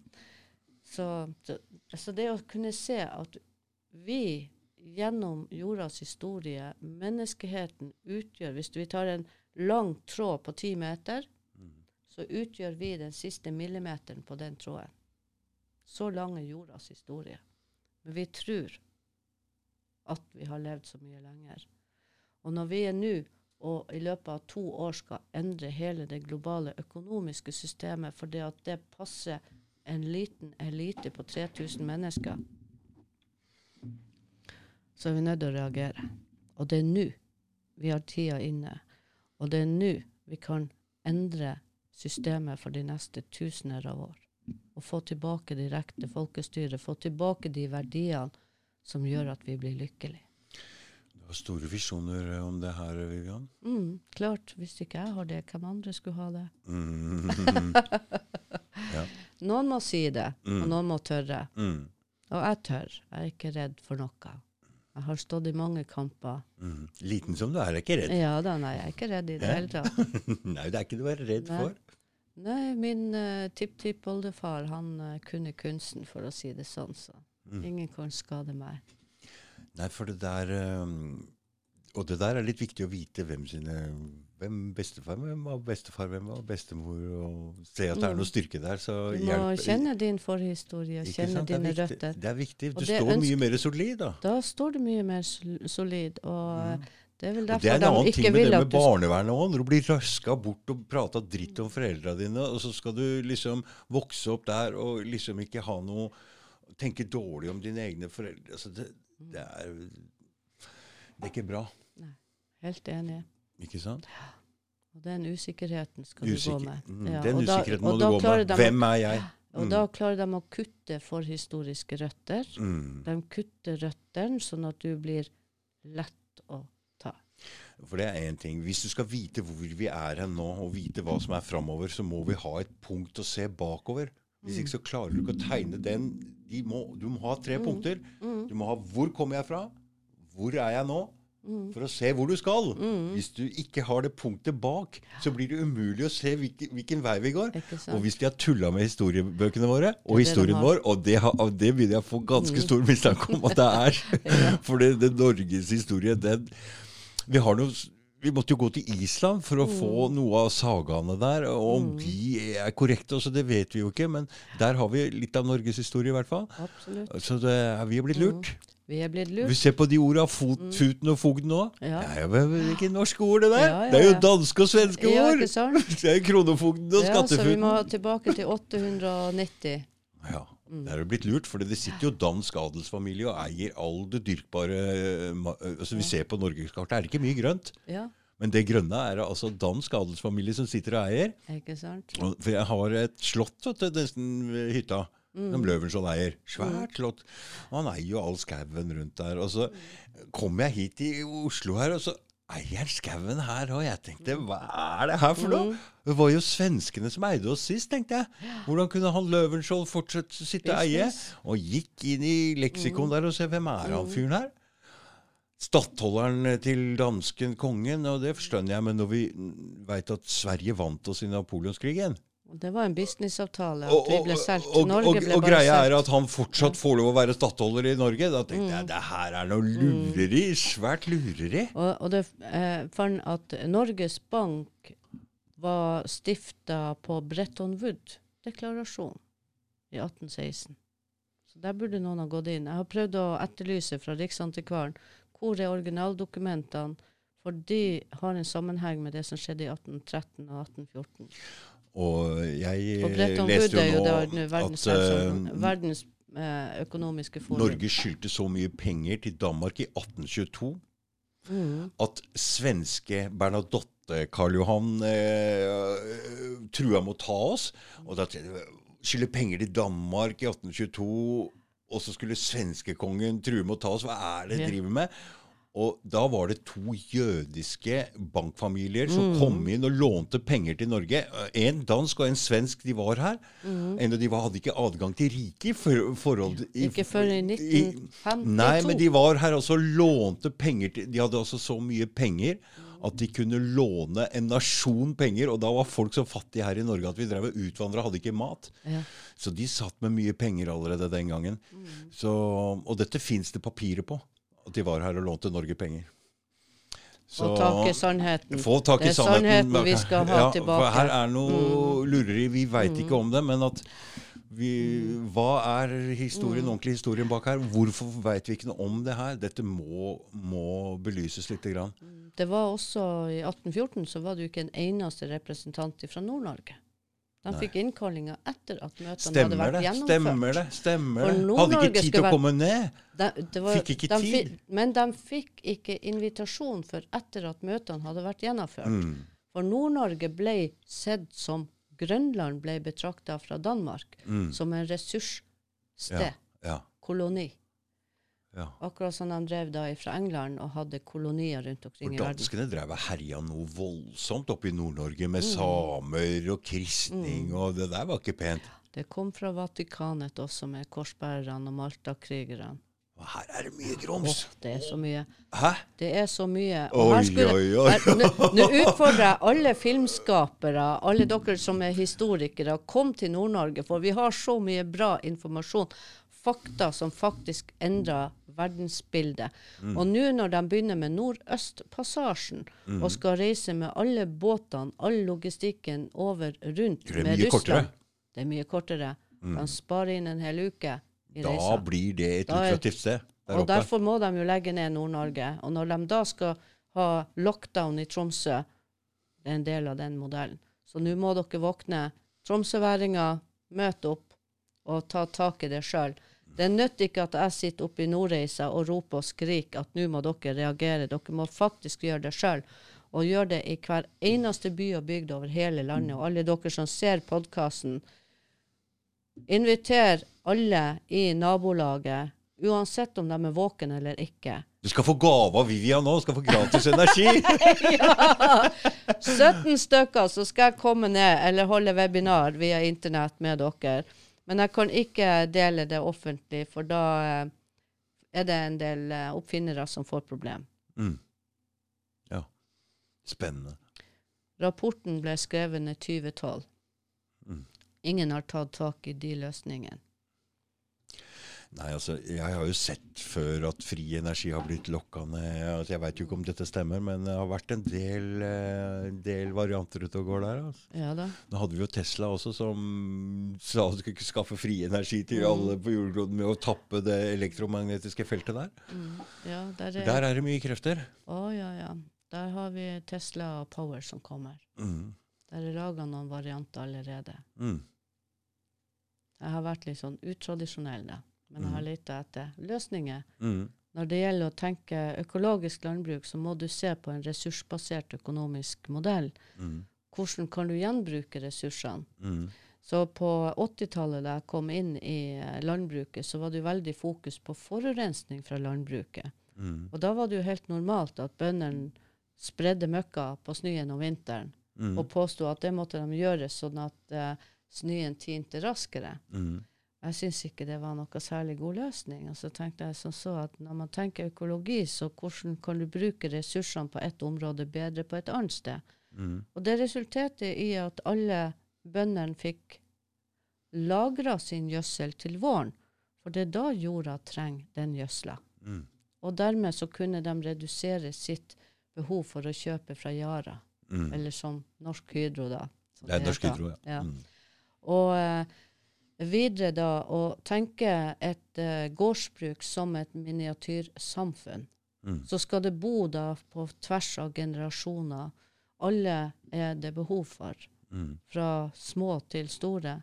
Og tenke hvordan er det vi skal kunne bruke den best mulig, den gården, som et miniatyrsamfunn. Mm. Men forestill deg litt større. Det er bygda di. Mm. Det er blokka di. Mm. Hvordan skal dere kunne samarbeide for å lage det trygt og robust og stabilt for å stå imot i tunge tider? Mm. Nå går vi inn i, sannsynligvis i en tung tid. Mm. Hvor lang tid det tar, det vil være avhengig av hvor fort dere våkner i deres egen kommune. Mm. Hvis dere har over 51% av innbyggerne i deres kommune som er våken, ja, så er det bare å snu røkla ryggen. Og ifølge han Ingar så er det nok med 2,7% av innbyggerne sin stemme for å kunne lage en folkeavstemning. Med Grunnloven i handa. Så hør på han Ingar. Han har masse gode ting å komme med. Mm. Og han driver nå og samler sammen penger for å kunne få laga sin eh, eh, sånn bobil. For Mm. han har så lyst å reise rundt. Men han hadde jo en bobil. Ja, så den eh, har han nå fått Det var kompisen som gikk bort. Rainer. Sånn at uh, Ja, han Rainer han, og han de var jo i lag oppe Mm. hos meg. Stemmer det. Ja. Mm. Så det, det var jo så gøy når de kom, da. Mm. Og uh, han uh, Første kvelden vi hadde sånn en slags podkast, Mm, så var så det det. fire- 34 deltakere, og siste kvelden var 5200 seere. Oh, ja. Mm. Da hadde vi klart å treffe så bra. Mm. Og det var jo så synd at han gikk bort da 8. desember. Og Mm. jeg har prøvd å ta vare på dødsboet etter han, for nå har jeg tolv esker med notater ifra han. Mm. Og det har jeg prøvd å få noen til å hjelpe meg å ta vare på. Mm. Det er ikke det at det for min del, men jeg tror at han har mange viktige notater etter seg. Du, det var noe jeg var viktig. veldig interessert i. Det når jeg traff jo Rainer på Mm, et sånt seminar på Sevle i fjor. mm. Det var faktisk da, etter da jeg begynte å tenke podkast. Jeg hadde ikke tenkt tanken før det. Så Det var noe jeg ville at han skulle sjekke opp, eh, som han hadde prata litt om. Så jeg ville, ville sjekke opp mer om, og det var eh, Jeg gidder ikke si noe om det, men det var veldig interessant. Var sånn. Ja, så nå har jeg åtte, nei, tolv bananesker fulle av hans bøker. Mm. Som jeg prøver å få oppover til Nord-Norge. Så da må dere komme oppover og hjelpe å sortere de Ah, det er langt, da! Det er bare å ta et fly. Mm. Ja. Ja. eller er det det? Ja, ja, ja. Det er bare en, en time og 50 minutter med fly til Tromsø, og så tar du setter på nærmeste buss, og så tre timer etterpå så er du fremme. Mm. Kjempeflott tur. Jeg veit du inviterte oppover til bursdagen òg. ja. ja da. Er det noe mer du vil se om, si om noe? Er, du ville prate om noe um, Nei, jeg skulle bare vise deg det bildet der. Der Mm, er da en kunstner som har uh, laga et bilde om hvordan situasjonen Du, er. det der har jeg tenkt på hele tida. Den skuta, den, den har ingen retning. Eller har den en retning? Den har en retning dit, til New World Order, Ja. til FN. Det er bare jeg som har trodd at det er ingen som styrer. Det, Der han peker jo mot dit, han Støre. ja. Det er Mm. dit han vil. For jeg har trodd at de bare driver og krangler om å styre og ikke styrer noe sted. Ja, Men de styrer et sted. De styrer til samme vei. For for meg har det sett ut som ikke noe styring i mange år, men det er styring, altså. Det er den styringa dem Ja. Så hele Stortinget sitter jo da på første klasse. Mm. Som VIP-personell og har det jo kjempegøy. Mm. Fordi at uh, de får alle privilegiene og Ja, tror de er immune. immun. Ja. Mm. De har skapt seg sjøl immun i forhold til det å være levende kvinne-mann og ikke ha ansvar. Mm. Men med landets lov, med common law, med Mm. naturretten og sedvaneretten, så kan vi kle av dem all den immuniteten.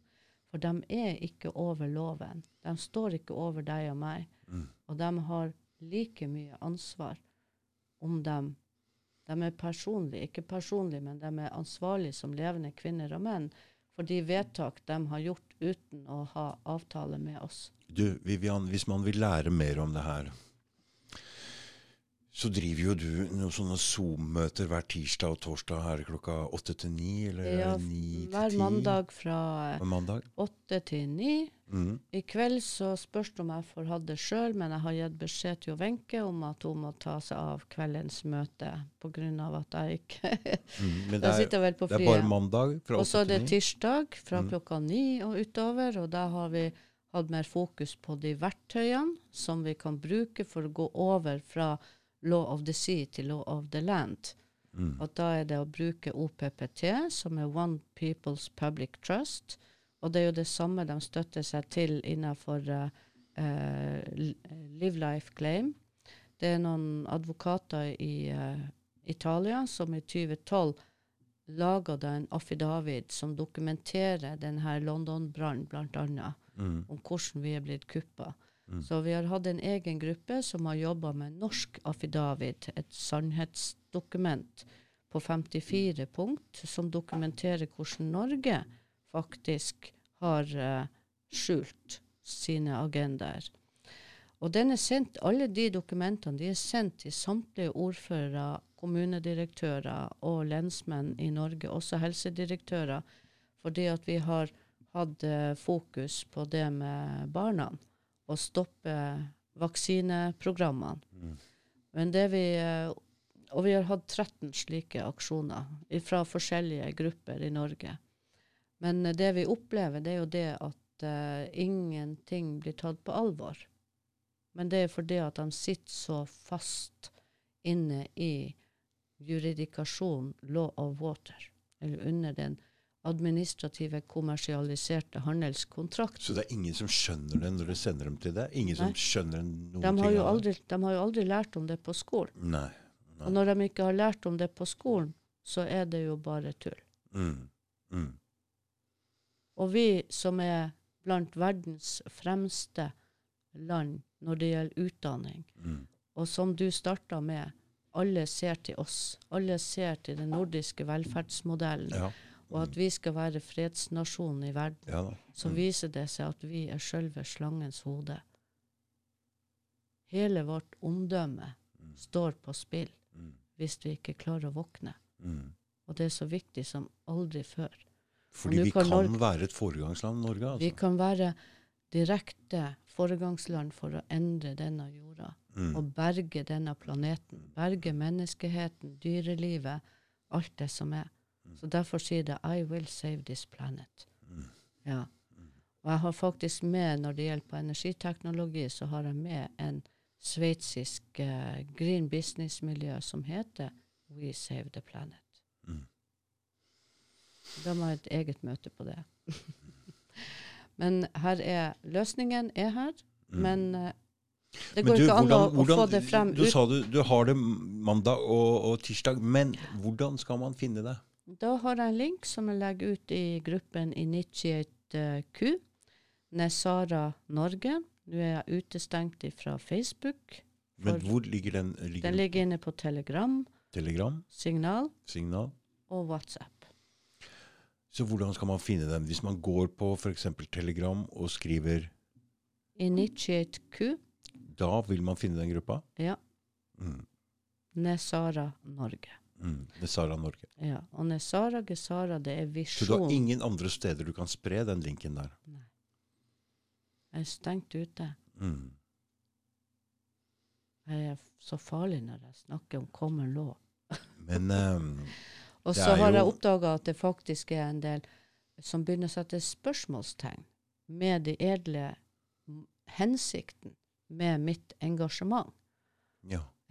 Hva Men der er, jeg bruker å si det sånn, i alle verdenskriger så har man forskjellige våpen. mm, ja. Under første Men hva slags spørsmålstegn da? Liksom, hva er det å tjene på det her uten å Nei da, der er jo mange konsulenter som vil uh, gjøre business Mm. på, på denne endringa. Jeg har aldri tatt betalt for det, for dette med å være naturrett, det skal ikke koste noen ting. Mm. Det må bygges på en ekte, frivillig kjærlighet til folket. Mm, mm. Du må uh, ofre tid.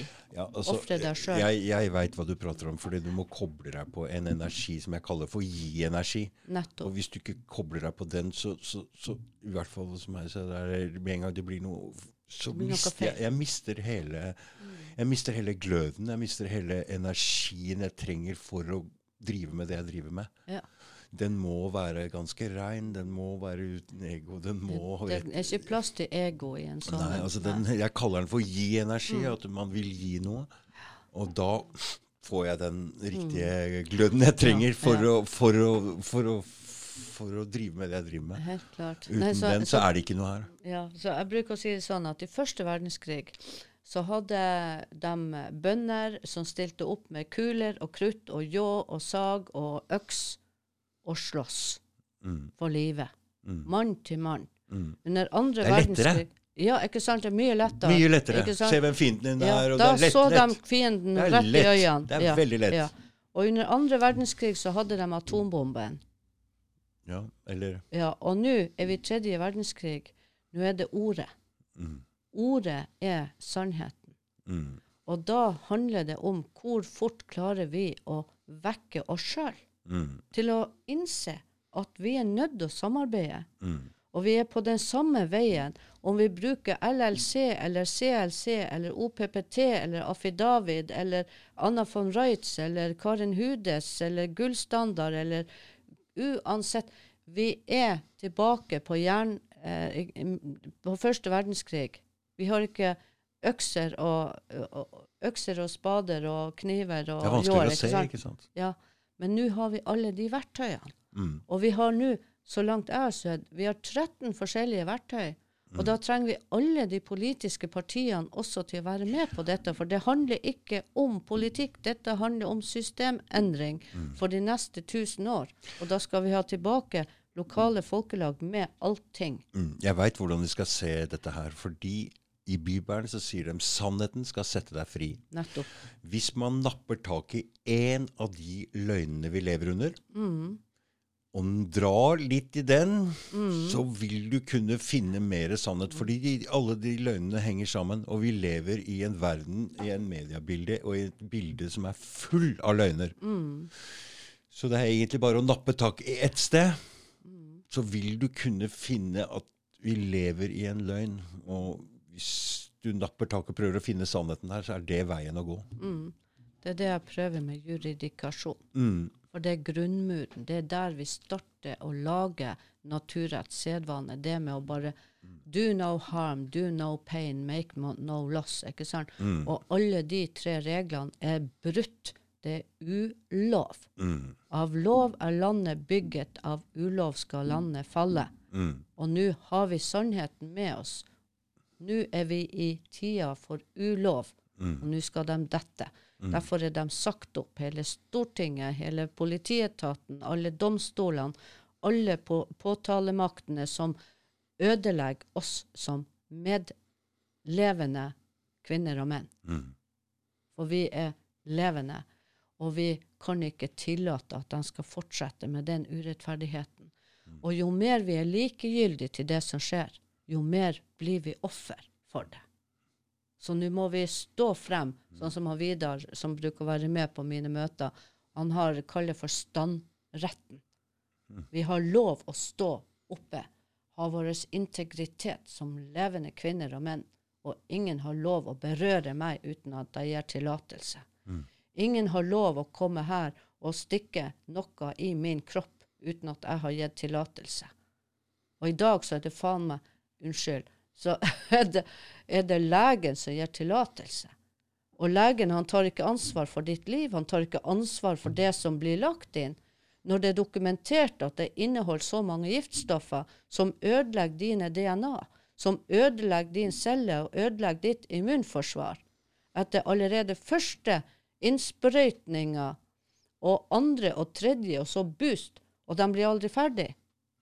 Ikke før du er død. Og om du blir for skada Nå var det jo dokumentert over eh, hva var, 33 000 skader. Ingen av dem får erstatning fra, erstat, fra eh, pasientskadeerstatning. Det er ikke en eneste reiseselskap eller forsikringsselskap som gir erstatning om du blir sittende i rullestol og må bygge om hele huset. Det er ingen som gir deg erstatning om du mister hovedforsørgeren i familien. Det er ingen som gir erstatning om du mister dine barn. De gir blaffen. For de har allerede i kontraktene med Erna Solberg, som er gjemt og hemmelighetsholdt i 60 år, så er det kontraktskreven at de har ikke ansvar. Ingen. Vaksineindustrien, nei. Men De har, nei, de har ikke ansvar. Nei, de tar ikke Nei, men når det gjelder vaksine, så har det aldri De har alltid staten som har kjøpt inn vaksinen, og Nettopp. staten som uh, skal Og hvem er staten? Jo, det er vi som blir da pantsatt ja, i all så, fremtid. Så Big Pharma har jo hatt god Med vaksiner så har de jo sluppet det erstatningsansvaret hele tida. Ja. Så det der har vært en big business for dem. vet du. Oh, ja. Og det er ikke for ingenting at de blir rikere og rikere. Og hvem i Norge er det som skriver de kontraktene?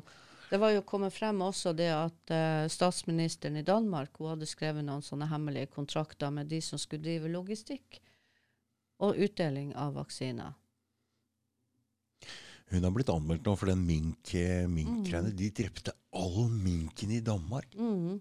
Tenk på Det det. er drøyt. Og så sa at du var koronasmitta. Ja. Det er ikke, det er ikke, altså, Sånn. Det der var ja, men sånne ting kan de, han Støre finne på her. Han har jo ikke noe bakkekontakt. Nei, for det, altså, den pelsindustrien var jo ganske uh, uglesett fra før. Så det var sikkert lett å få tatt bort, for det er jo ikke pent å ha mink sånn i bur og sånn, men å drepe jeg vet ikke, Det var haugevis med mink.